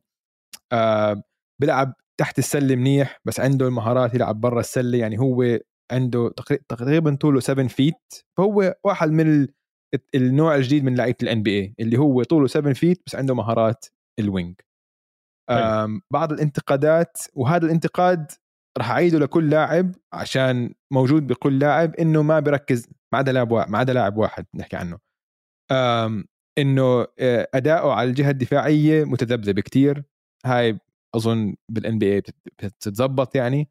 بس شغلة تخلوا عينكم عليها إنه مش معروف من دفاعه الممتاز بس كلاعب هجومي آه، ممتاز بيحكوا عنه. آه، أنا بدي أعطيك أكثر مقولة أكثر كوت مثيرة للاهتمام وأكثر جملة مثيرة للاهتمام قرأتها عنه وعن الباقي هيك راح نسويها. لما أنت تحكي لنا شوي عنهم أنا كمان بحبش قرأت. إشي لفت انتباهي لكل لاعب أخذته وحكيت فيه ماشي؟ باولو بانشيرو آه، مايك كريج- شيرزاوسكي كيف بنحكى اسمه يا دويس؟ لا شيشفسكي شيشفسكي انسى هاي هاي كلمة انسى فيها كل الاحرف ما أوكي. بح... ما راح يفيدوك. الأحرف شيلهم لو بدي أم... لو بدي أمشي بالأحرف كريزي زاوسكي كريزاوسكي انساهم. بقول لك. الأحرف ما بيفيدوك بهاي الكلمة. شيشفسكي شيشفسكي اللي اللي هو المدرب الأسطوري تبع ديوك اللي ما بيعرف. صار له مليون. سنة كان هناك. هلأ اعتزل صح؟ تقاعد. آه كانت هاي آخر موسم. آه, آه. صحيح. فالمهم إيش حكى عنه؟ قبل ما آه، بشهر 11 السنة الماضية. بيقول لك he won't fulfill his potential while he's a duke. He's going to keep getting better and better. يعني هو شايف نظرته للمستقبل. بيقول لك اللي راح يعمله بديوك ما راح يكون قريب حتى على سقفه.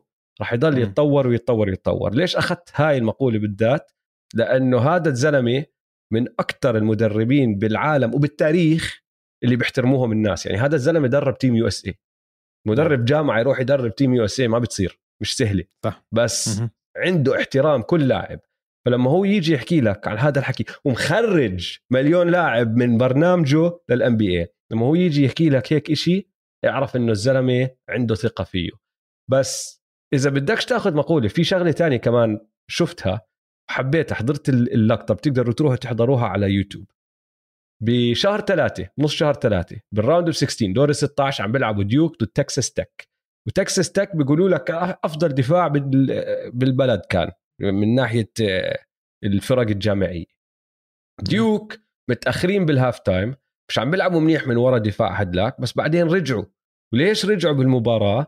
لأنه مايك شيشاف شيشافسكي مسك بانشيرو وقال له اسمع 1 on 1 isolation راح أفتح لك الملعب اعمل اللي عليك. ساعدهم بالعودة. هلأ وين اللقطة اللي حبيتها كتير؟ ضايل 34 ثانية. ماخذين timeout وعم بيرجعوا على الملعب. عم بيمشي هو بتعرف كيف بحطوا الكاميرات عليهم مرات؟ مم. طلع بالكاميرا أعطاها غمزة. غمزة بكل أريحية المباراة كلتش أوه. time الطابة راح تكون بإيده. الغمزة هيك إنه فهمت علي؟ هدول الغمزات اللي سهلة. حبيتها ليش؟ لأنه بتورجيك برودة الأعصاب. وطبعا ديوك وصلوا النهائي بالبطولة هديك. فازوا. المباراة ووصلوا النهائي. هاي بتحكي لي أكثر من أي شيء أي حدا تاني بيقدر يحكي. عنده هاي ال ال ال شو بتسميها أنت دائما ال mamba. ال killer instinct أريحية هيك أعطى الكاميرا غمزه فهذا باولو بانشيرو من اللي أنا قرأته شكلهم الناس مبسوطة لأورلاندو بتحكي لك ير- يركب معهم منيح.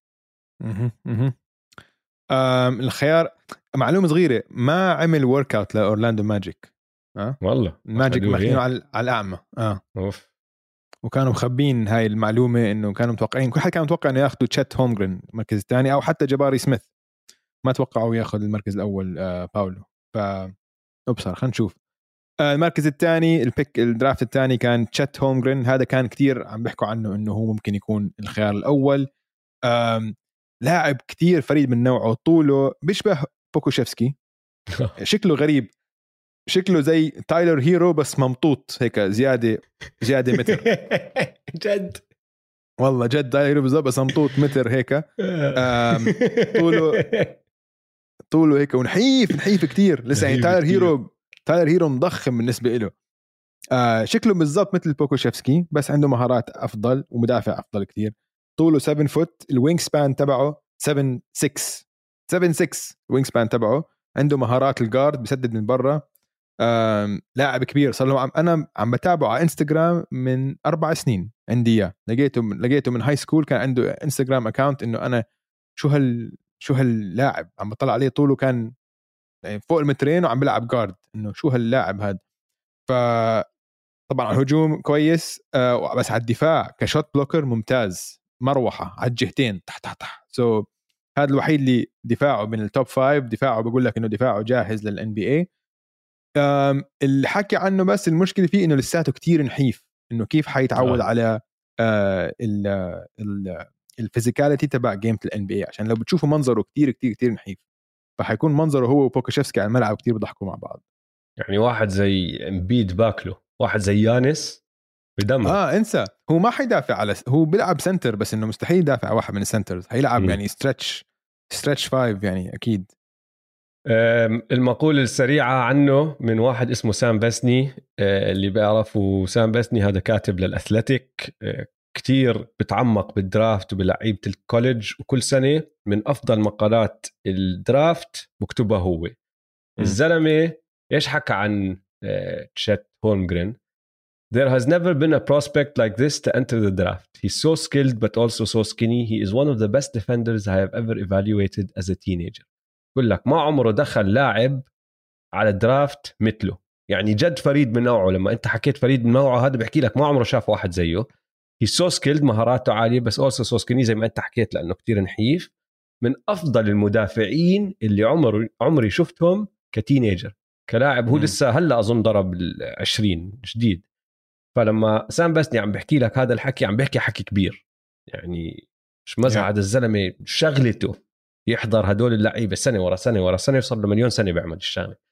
فحبيتها منه وبصراحة يعني فت بدون ما نعرف شيء تاني بس من اللي أنت حكيته مع أوكلاهوما صار عندك شيء وجدي وهلأ بيج مان يساعدهم. يعني مهم. تركيبة مفروض على الورق تزبط. بتفق بتفق. آه البيك الثالث جباري سميث من اوبرن بيقول لك هذا إنه hard worker آه عنده jump shot تخوف طبعا ممتاز على الدفاع. إنه كان هاي هذا كان أكثر واحد مضمون من اللي من ال draft بيحكوا لك إنه هذا 100% إنه تشيت مثلا بقول لك نحيف كتير. باولو ما بعرف إنه كان حكوا إنه يمكن his outside game مش كتير ممتازه و he's undersize لداخل لجوا. بس جباري سميث بيقول لك هذا مضمون حيدخل من أول يوم حيلعب منيح بال NBA فمسدد ممتاز مهم طبعا بال NBA هلا الإشي الوحيد اللي ضده إنه ال handles تبعه مش كتير منيحة بس ما بعتبرها minus يعني بس إنه أظن بضبطوها. بس هيك بيشبهوه شوي بمايكل بورتر جونيور عشان جسمه هيك stiff شوي فبعرفش شو, يعني هاي. إنه ما قرأت إنه عنده إصابات كان وهيك بس ممكن هاي بتخوف شوي عشان مايكل بورتر جونيور عنده تاريخ إصابات يعني. آه عندي مقولتين عن جباري سميث. مهم. كتير عكس بعض فاعطيك إياهم التنتين. في واحد حكى picture native Houstonian رشارد لويس but with more defensive chops. هلا مع كل احترامي لرشارد لويس يعني عم بشبهه برشارد لويس بس ك رشارد لويس مع دفاع أفضل. مع كل احترامي لرشارد لويس اللي كان لاعب رائع بالدوري بس مش لاعب عمره كان بيستاهل حتى يقرب على top 3 pick ماشي. بس بعدين بمقال تاني شفت تشبيه تاني. I just see a lot of KG in him. شبهه بكيفن جارنيت هون عم تحكي مش بس بيستاهل top 3 pick بيستاهل الأول. إذا أنت جد زي كيفن جارنيت وضعك تمام. بس شوف الفرق بيناتهم. يعني وين رشارد لويس وين كيفن جارنيت فهمت علي؟ فبصراحة مضيع بعرفش. مش راح أقدر أحكي لك لاشوفه على الملعب. واحد بيحكي هيك واحد بيحكي هيك الله أعلم. آه بس لا شكله لاعب آه انه لاعب كويس يعني. أكيد بيروح top 3 pick وكان كل حد متوقع يروح الأول كمان. والمدرب تبعه بيحكي إنه هذا أفضل مدرب دربته. اوبرن جامعة منيحة يعني جامعة كبيرة طلع منها لعيبة كتير. ف مدربك يحكي هيك إنه هذا أفضل لاعب آه، دربته لها معنى. أبوه كان يلعب بال NBA كمان لعب أربع مواسم بال NBA فمرات نحن شفناها كثير آه، خاصة بالأيام هذه اللعيبة اللي أبوهم كان بال NBA متعودين على أو بعرف في عندهم معلومات اللي علموها أوه. أهلهم عن إخلاقيات العمل عن ال business صح. عن ال NBA ممكن تفيدوا هاي كثير كمان. فهي خلوها عينكم عليها. فهدول كانوا مضمونين ما كان في مفاجآت. مين بلش المفاجآت؟ طبعا ال Kings. ال Kings اختاروا سبحان الله. shocking shocking ها ال Kings اختاروا لاعب اسمه كيجن ماري وعندي معلومة لك حلوة عن كيجن ماري عندنا آه. مستمع اسمه آه، زيد حكم الحضرب.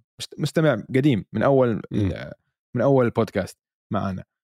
آه، زيد آه، صحبة مع لاعب كنت ألعب معه أنا في منتخب الأردن. كان صنع ألعاب اسمه وسام السوس. وسام السوس هلأ مدرب بيلعب عايش بامريكا وبيشتغل بأكاديمية اسمها DME Sports Academy ودرب أوكي. اللاعب كيجن ماري.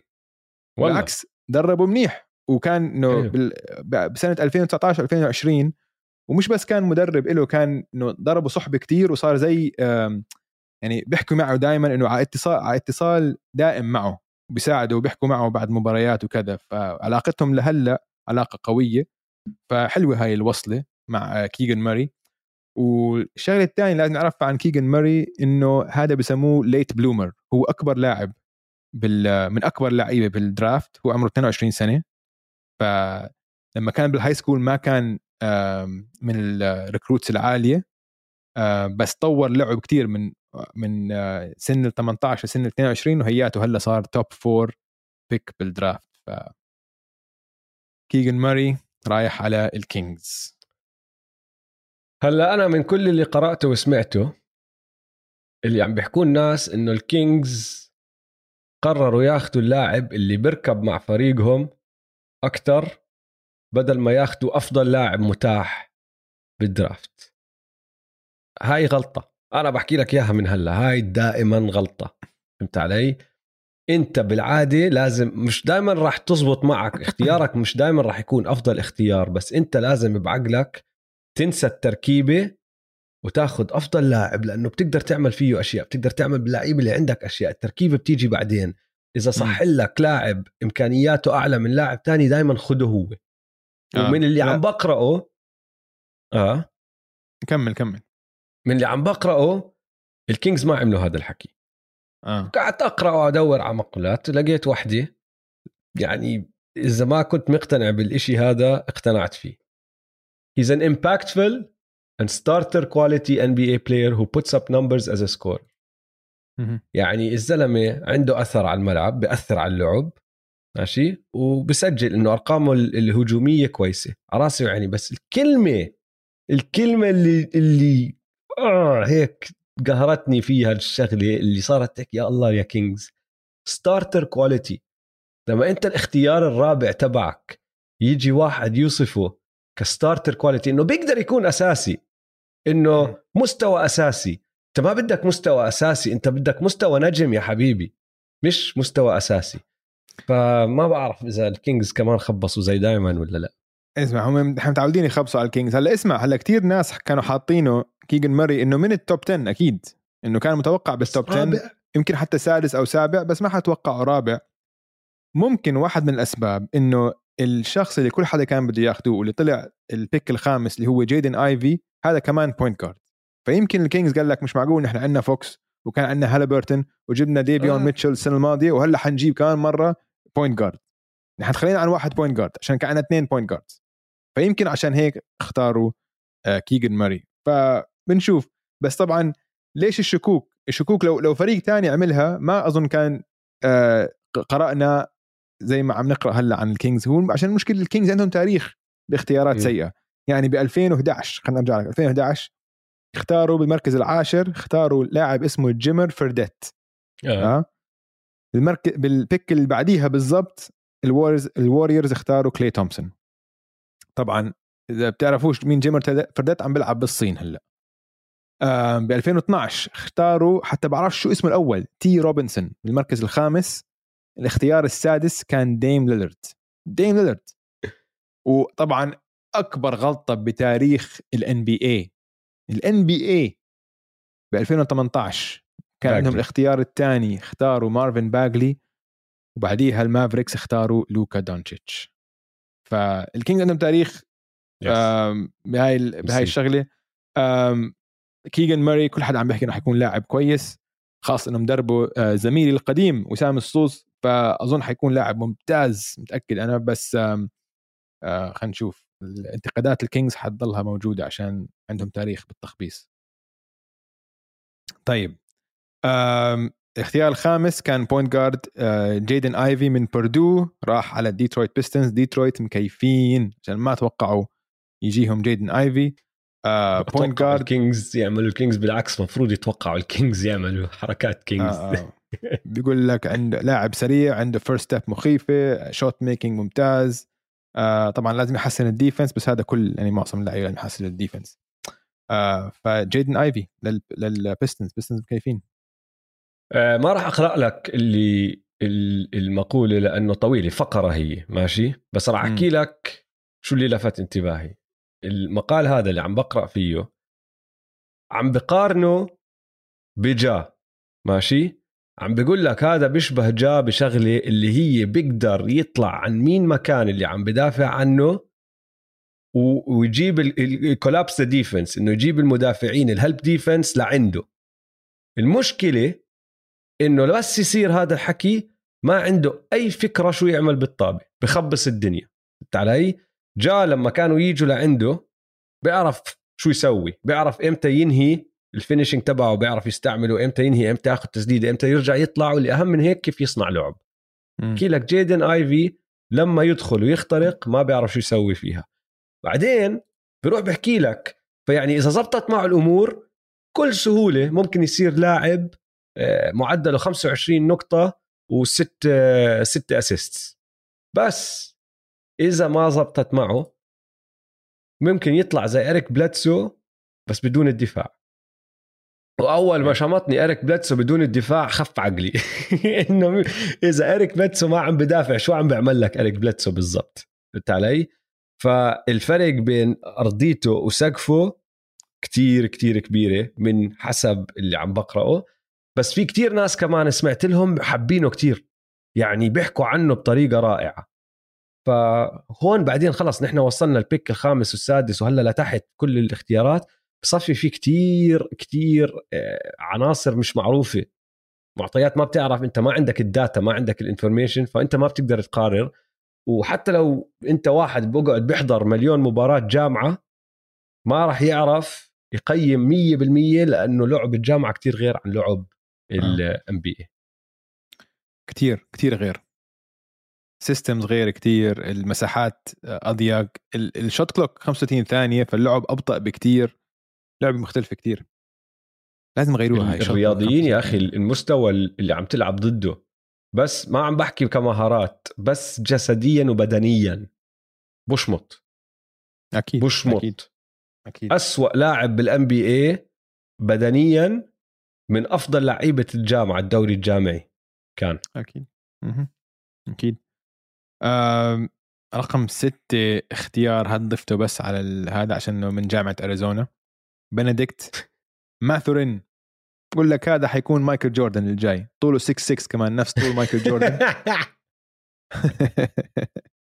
لأنه من جامعه أريزونا. طبعا نفس الطول 6 6 و6 6 هم اثنين. وينجات ممتازة. طيب. بس أنا حل... أنا إنه- حبيت إنك جبت سيرته لأنه في عندي معلومة عنه هاي ما إلها خص بال draft.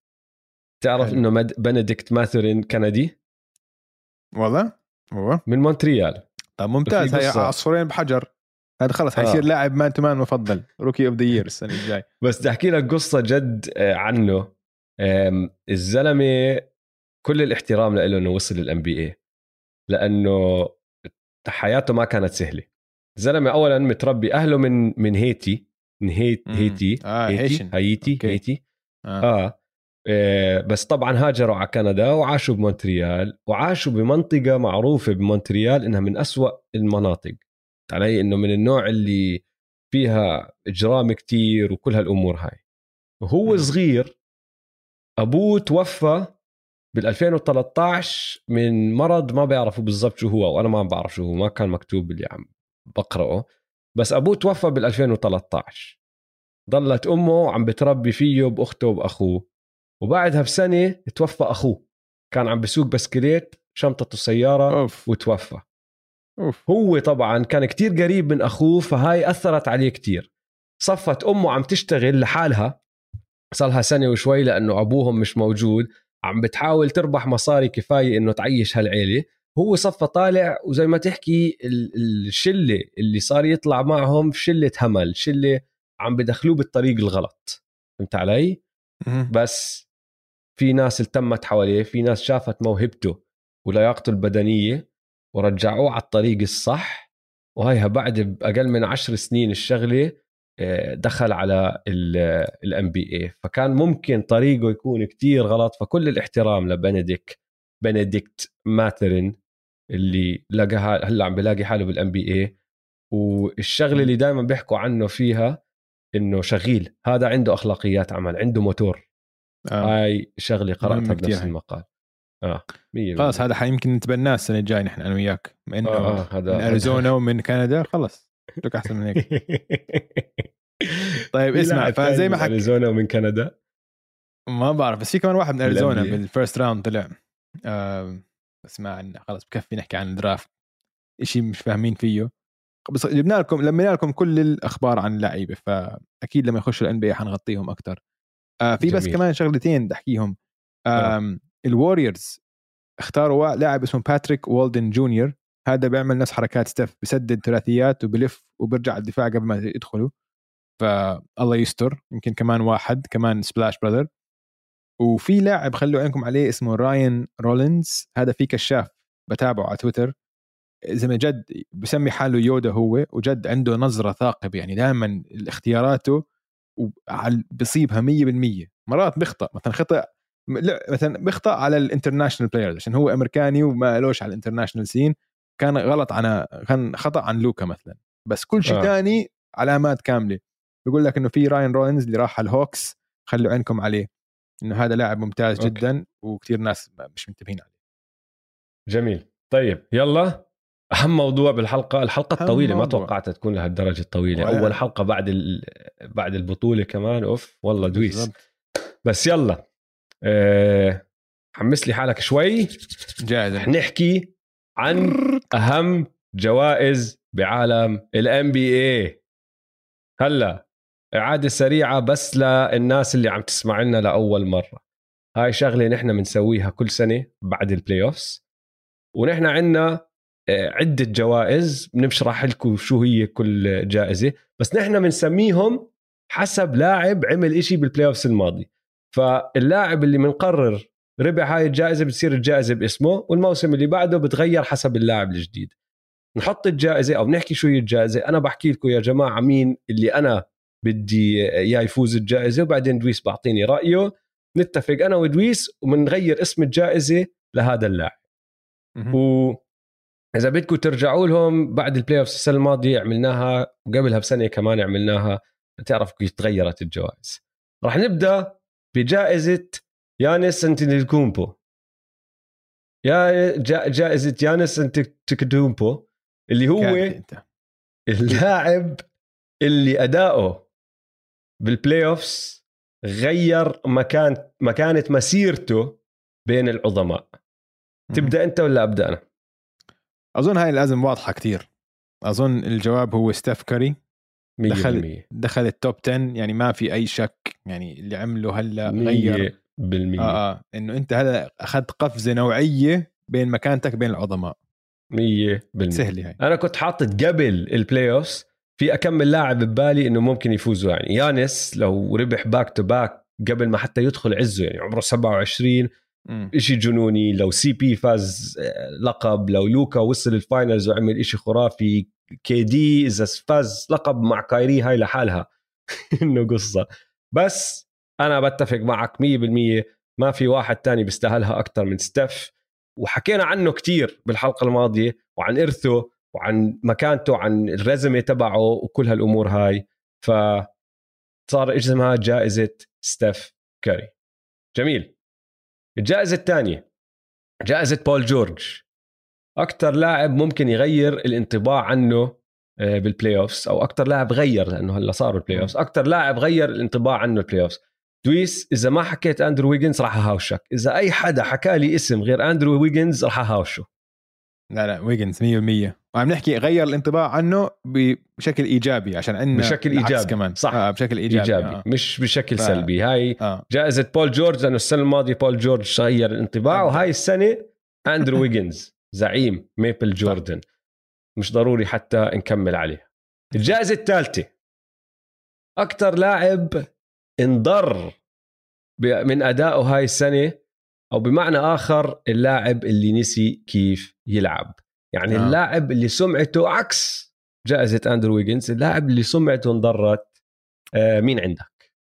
للأسف كريس بول man أنا كمان والله توقعتك ما تحكي والله متفقين. أنا. آه. لا أي زلمة. جد نسي كيف يلعب اسمع هاي. أول مرة أظن 3 of 3 آه. إحنا لحد هلأ ثلاثة آه. بثلاثة متفقين أنا معك 100% كريس بول آم، الجماعه إذا بدكم ارجعوا اسمعوا الحلقة 165 اللي هي حلقة سجلناها بعد game 7 ضد المافز آه، ال- ال- السبب الرئيسي اللي أنا حطيته بهاي الجائزة شيء حكيته هذيك المرة إنه خلص بعد فترة راح توصل أنت لنقطة معينة بطل حظك تعيس بتصفي عليك لا الحكي خلص. آه آه وهاي. السنة أنا وصلت لهون مع كريس بول بآخر خمس مباريات له بال- بالسلسلة معدله تسع نقاط و3.6 turnover.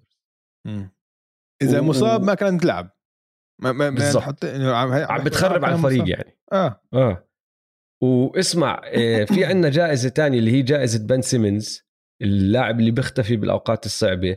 ما عم بحطه هناك أو ما فكرت فيه أحطه هناك حطيته هون لأنه هاي ضربة لسمعته لإرثه لما خلص يعتزل كريس بول خلص. إذا ما غير الحكي بكم سنة اللي ضايلين هذا راح يكون دائما معروف كأفضل point guard ما بيقدر يلعب لما الضغط يزيد. بصير فيه كارثة. yep. كل ال comebacks من 2-0 وكل هالأمور هاي كارثة. كارثة. مهم. فمتفقين جائزة كريس بول. طيب لاعب أخذ القفزة جائزة تري يونغ. أظن لازم نعطيها لتيتم أنا بعطيها أربعة من. أربعة يا دويس يا عيني عليك اليوم. صاحي. أم، تيتم إنه يعني آخر مباراتين ضد ال- الوريورز ما لعب منيح بس يعني قاد فريقه للنهائيات وكسح النتس 4-0 اللي سواه ب game 6 ضد البكس لحاله كان إشي روعة روعة روعة. 46 نقطة أو 47 نقطة. كيف فازوا game 6 و7 ضد البكس آه، ممتاز. أم، لسه عنده مجال ليتطور زيادة. بس أنا قبل الموسم ما كنا حاطينه top 10 صح؟ بتصنيفنا حطيناه. top 10 لا ما كان top 10 لا. هلأ أظن ب top 10 هو بسهولة. كان في فترة أنا فكرت حيدخل على ال top 5 بس بعدين لا تراجع شوي بالنهائيات. بس أظن دخل ال top 10 فالقفزة لا جيسون تيتم بالنسبة لي. أنا معك 100% أنا الطريقة اللي فكرت فيها إجت فترات بال playoff خصوصا ببدايات ال playoff اللي فكرناه عم ياخذ القفزة القفزة الكبيرة عرفت علي؟ إنه أوف شو هالقفزة؟ ما صارت هيك بس لسه أخذ قفزة. ال- ال- ال playoff معدله 25 ونص 7 و6 دفاعه كان ممتاز من بداية ال playoff لنهايه ال playoff للعلم. نحن ما بنحكي عن دفاعه كفاية. حتى لما كان هجومه مش ظابط لما كان يختفي بالمباريات على الجهة الهجومية كان لسه بيلعب دفاع ممتاز. وال playmaking وصناعة اللعب مم. أحسن من أي مرة شفناها منه. 100% وزي ما أنت حكيت قاد فريقه للنهائيات. طبعا خبص بالنهائيات بس كان هو النجم الأول لهذا الفريق ووصلهم لهناك. فأخذ القفزه 100% مش أكبر قفزة ممكن ياخذها بس قفزة 100% آه. آه، جائزة جرو هوليدي. اللاعب اللي لا يعتبر نجم بس غير مجرى الأحداث بطريقة كبيرة. بصير أنا أبدأ بهاي؟ ابدأ. لأنه بصراحة كانت كتير أصعب من ما توقعت. مم. كتير أصعب من ما توقعت. هاي أظن أكثر جائزة قعدت أفكر فيها. ويجنز بزبط معه بس أعطيناه جائزة فخلص ما بنقدر نحط ويجنز ولو تطلع برا أندرو ويجنز اللي هو كان أول اسم خطر على بالي وتطلع على لعيبة اللي بالنهائيات على سبيل المثال ما في أي واحد عنده استمرارية كفاية إنه يكون هو هذا الزلمة. يعني هورفرد لعب أكمل مباراة منيحة بعدين اختفى راح ضاع. بول نفس الشيء رجع بالآخر بس كان مختفي بالأول. بيتن جاري بيتن أثر على المباريات وغير السلسلة كمان بس راح عليه كتير مباريات بال playoffs حتى بميامي تطلع على ميامي ما في ولا لاعب غير باتلر وبام أديبايو معدله كان أكثر من 10 نقاط بال conference finals وأديبايو ما كان بوضعه. باتلر كان باتلر نجم ما بتقدر تحكي. لا وحتى أديبايو بعتبره نجم. فكتير آه. كانت صعبة. بالآخر قررت إنه اللي بيستاهلها بكتابي جيلن برانسون. إيه. معدله. أنت كمان أخذته؟ أنا كنت حاطط عم بفكر بين برانسون وبين بول. آه كمل بعدين بحكي لك. أنا راح أنهي هلأ عن برانسون بس معدله 22 نقطة 4 و4 بال playoffs يعني رفع معدل التسجيل تبعه من regular season وبكتير مباريات. لما لوكا يكون عم بريح وما عم بيلعب هو اللي كان يشيل الفريق هو اللي كان يلعب بدون أي خوف. حكيناها راح يجي مصاري الدنيا هاي السنة. فأنا بالنسبة لي كان هو اختياري جيلن برانسون. آه، جيلن برانسون اختيار قوي. الثاني اللي عم فكر فيه كنت آه، بول عشان بالنهائيات كان لاعب إنه له أثر على مجرى المباريات. المب... التسديدات اللي جابها بآخر ال quarter الثالث من آخر الملعب هاي كانت إنه كسرت ظهر السلتكس كذا مرة. ف كنت عم فكر بين بول بين جيلن برانسون بس جيلن برانسون عملها بشكل منتظم أكثر وكان هو عامل رئيسي إنه المافريكس وصلوا لنهائيات القسم. وبتذكر لما لما فازوا مباراة ضد الجاز نحن ناسين إنه لوكا كان مصاب بأول playoffs راح عليه أول ثلاث مباريات. صح. فبرانسون هو كان الفريق وقتها وفتح شوارع بال بال بالجاز. فبعطيها لجيلن برانسون. حلو اتفقنا. جيلن برانسون صار اسم صار جائزة جرو هوليدي صار اسمها جائزة جيلن برانسون.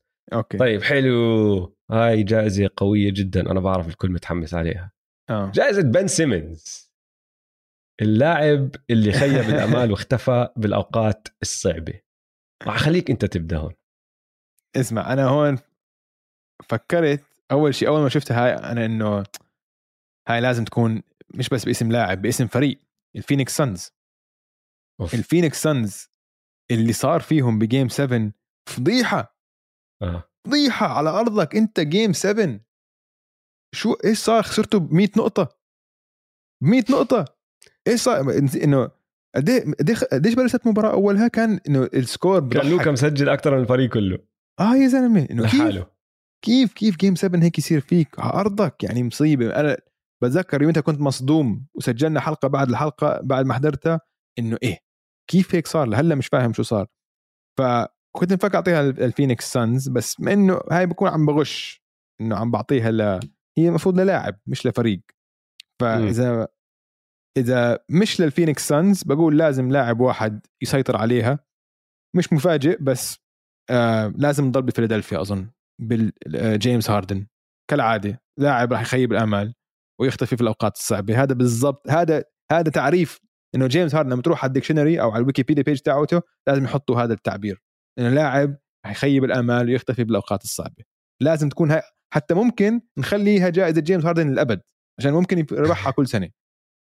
ف طيب أنا جيمس هاردن. حلو إنك جبت سيرة جيمس هاردن لأنه توقعتك هيك تحكي. مم. بس أنت حكيت كلمة هلأ وأنت عم تحكي عن جيمس هاردن حكيت كالعادة ماشي؟ آه. أنا ما أعطيتها لجيمس هاردن لأنه برأيي جيمس هاردن ما خيب الامال جيمس هاردن عمل بالضبط اللي كنت متوقعه من جيمس هاردن. أنا وياه. أمالي ما كانت عالية فيه. بس أمال السكسرز هو عمل اللي عمله. بس بس أمال السكسرز كانت عالية فيه. أمال كثير أمال السكسرز مش أمالي. أنا عم بحكي آه عن حالي. فهمت علي؟ ماشي. فأنا بالنسبة لي ما خيب أمالي. هو عمل اللي عليه. هو جيمس هاردن لعب بالضبط زي ما أنا متوقع جيمس هاردن يلعب. آه. رحت حطيت لاعب تاني. ماشي؟ اللاعب اللي أنا حطيت اسمه هون دونيفن ميتشل. لأنه دونيفن ميتشل اولا ما لعب ولا لحسة defense بكل آه ال playoff طقع على ال defense. ولا لحسة طقع. راح أعطيك أرقامه بأول ثلاث مباريات أو أرقام تهديفه التسجيل بأول ثلاث مباريات وبعد آخر ثلاث مباريات من سلسلتهم. ماشي؟ م. أول ثلاث مباريات كان معدله 33 نقطة بالمباراة. ضد المابس بعدين لما شدوا المابس وصاروا يلعبوا بآخر ثلاث مباريات 18 نقطة في المباراه يعني تقريبا النص. الزلمة اختفى يعني باسم الجائزة فمني مني علي أنا أعطيتها له واللي أسوأ كان بالنسبة لي إنه زي كأنه شبه سواها ب... ب... ب... عن قصد. كان قاصد إنه خلاص مطرقع ومش سائل وإنسى. فحطيته. ما حطيت هاردن عشان هذاك السبب. بس أظن أظن أظن لازم نعمل حاله استثنائية ولازم نسمي الجائزه ال Phoenix Suns. أنا لكل اللي حكيته 100% بتفق معك. إذا أنت قابل هم جوائزنا جوائز مان تمان آه وبنقدر نغيرهم على راحتنا صح؟ يا بنقدر طبعا. okay. فأنا بحكي لا نعطيها لجيمس هاردن ولا نعطيها لدونيفن ميتشل مع إن التنين بيستاهلوها. نعطيها لل Phoenix Suns لأنه بالأوقات الصعبة هم تعريف هاي الجائزة اللي صار فيهم ب game 7 game 7 اختفوا ما إجوا على الملعب أصلا. أها yep. خلاص؟ اتفقنا؟ متفقين حلوة متفقين. منك حبيت. طيب آه، جائزة ديميان ليلرد آه، اللاعب اللي أعطانا لحظة لا تنسى. أبلش؟ يلا. جا مورانت ضد ال Warriors. أوف. okay. لما كان عندهم معدله كان 40 نقطة تقريبا ثلاث مباريات ما كان عندهم أي حل. واللعبة اللي بتذكرها ببالي آه هي لما جاب 47 points نسيت أي game بس في لما كان جوردن بول عم بدافع عليه دخل على ال lane عمل ال spin جوردن بول وقع ات- ات- اتكعبل صار إيده على الأرض وابصر كان زي عم بيلعب Twister بعدين حط ال floater وأعطاك ال flex. أنا بالنسبة لي هاي كانت اللحظة اللي لا تنسى في هاي ال playoffs طيب أم، أنا أول أول إشي خطر على بالي ستيف ب game four بالنهائيات بس صار كمان ماخذ جائزة فما بنقدر نحط ستيف four بس اللي شفته منه ب game four كان إشي مش راح انساه بحياتي. وعندي كمان أكمل جائزة حضور مشرف واحدة منهم وجعت قلبي إني أحطها هون اللي هي آه، ال buzzer beater تبع جوال امبيد ضد آه. ال Raptors. أنا مقتنع إنه لو هاي ال buzzer beater ما دخلت كان فزتوا. تغيرت السلسلة. أنا. فحطيتها هون. آخر 45 ثانية من مباراة آه، ال Celtics وال Bucks game 5 جرو هوليدي ال three وال block وال steal اللي سواه على الجهة الدفاعية. أوف روعة. مستحيل انساه جا ضد ال Warriors بالاخص game 2 مهم. ال- ال- ال- ال game winner اللي بالآخر كمان ما بنساها.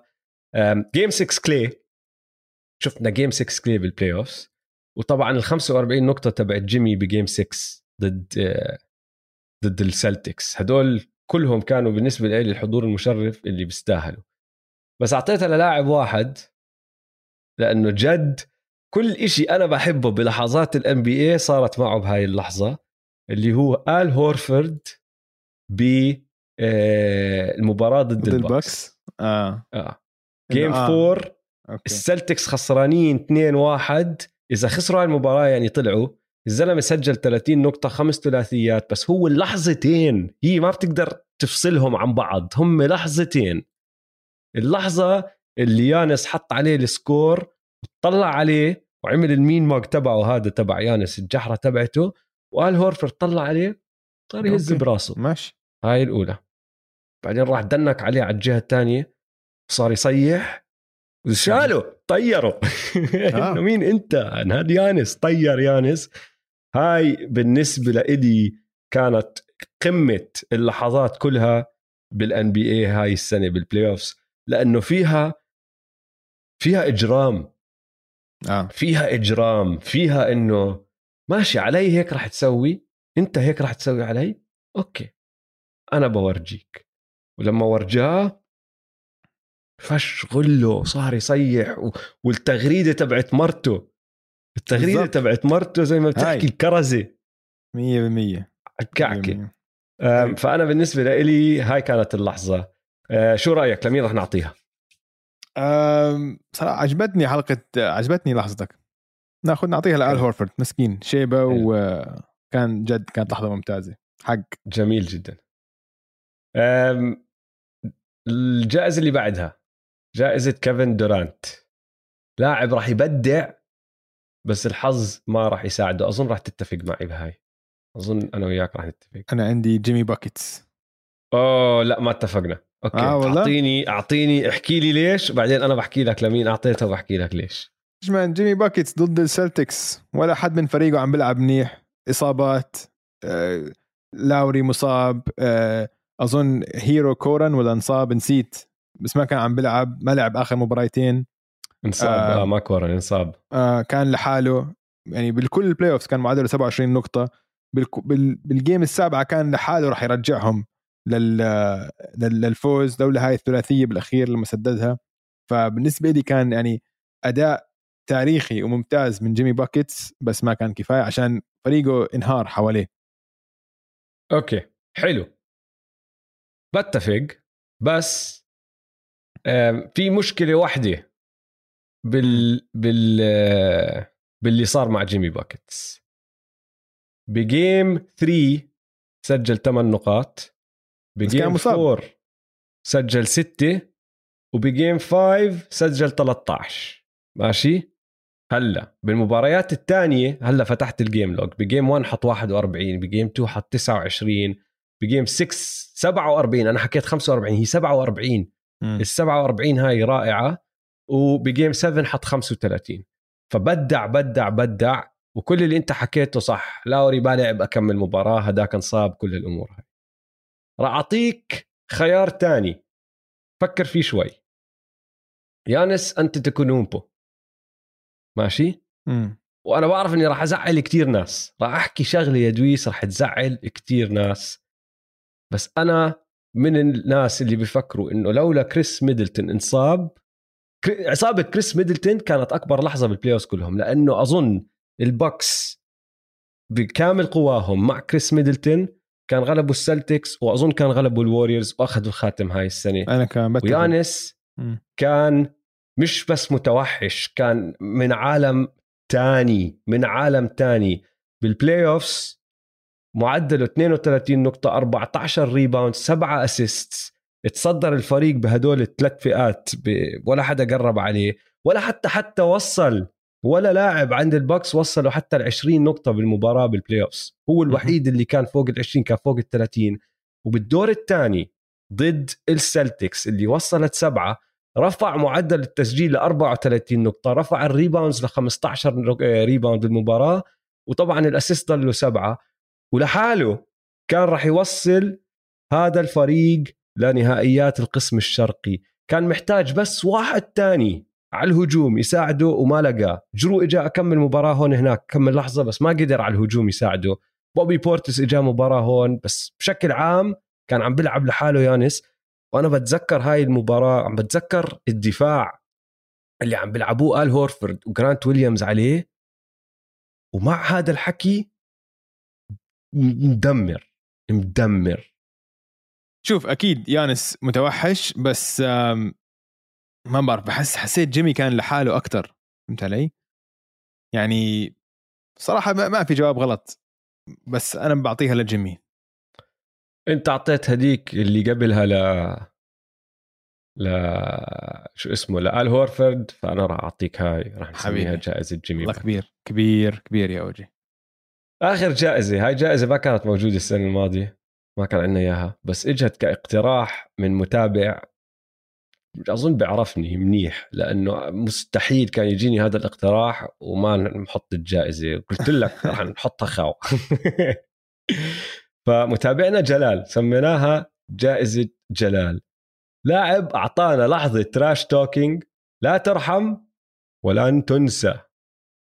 وكتير كتير كتير في لحظات حلوة كانت بال playoffs أنا عندي تنتين غير عنهم كلهم وأخذت واحدة منهم.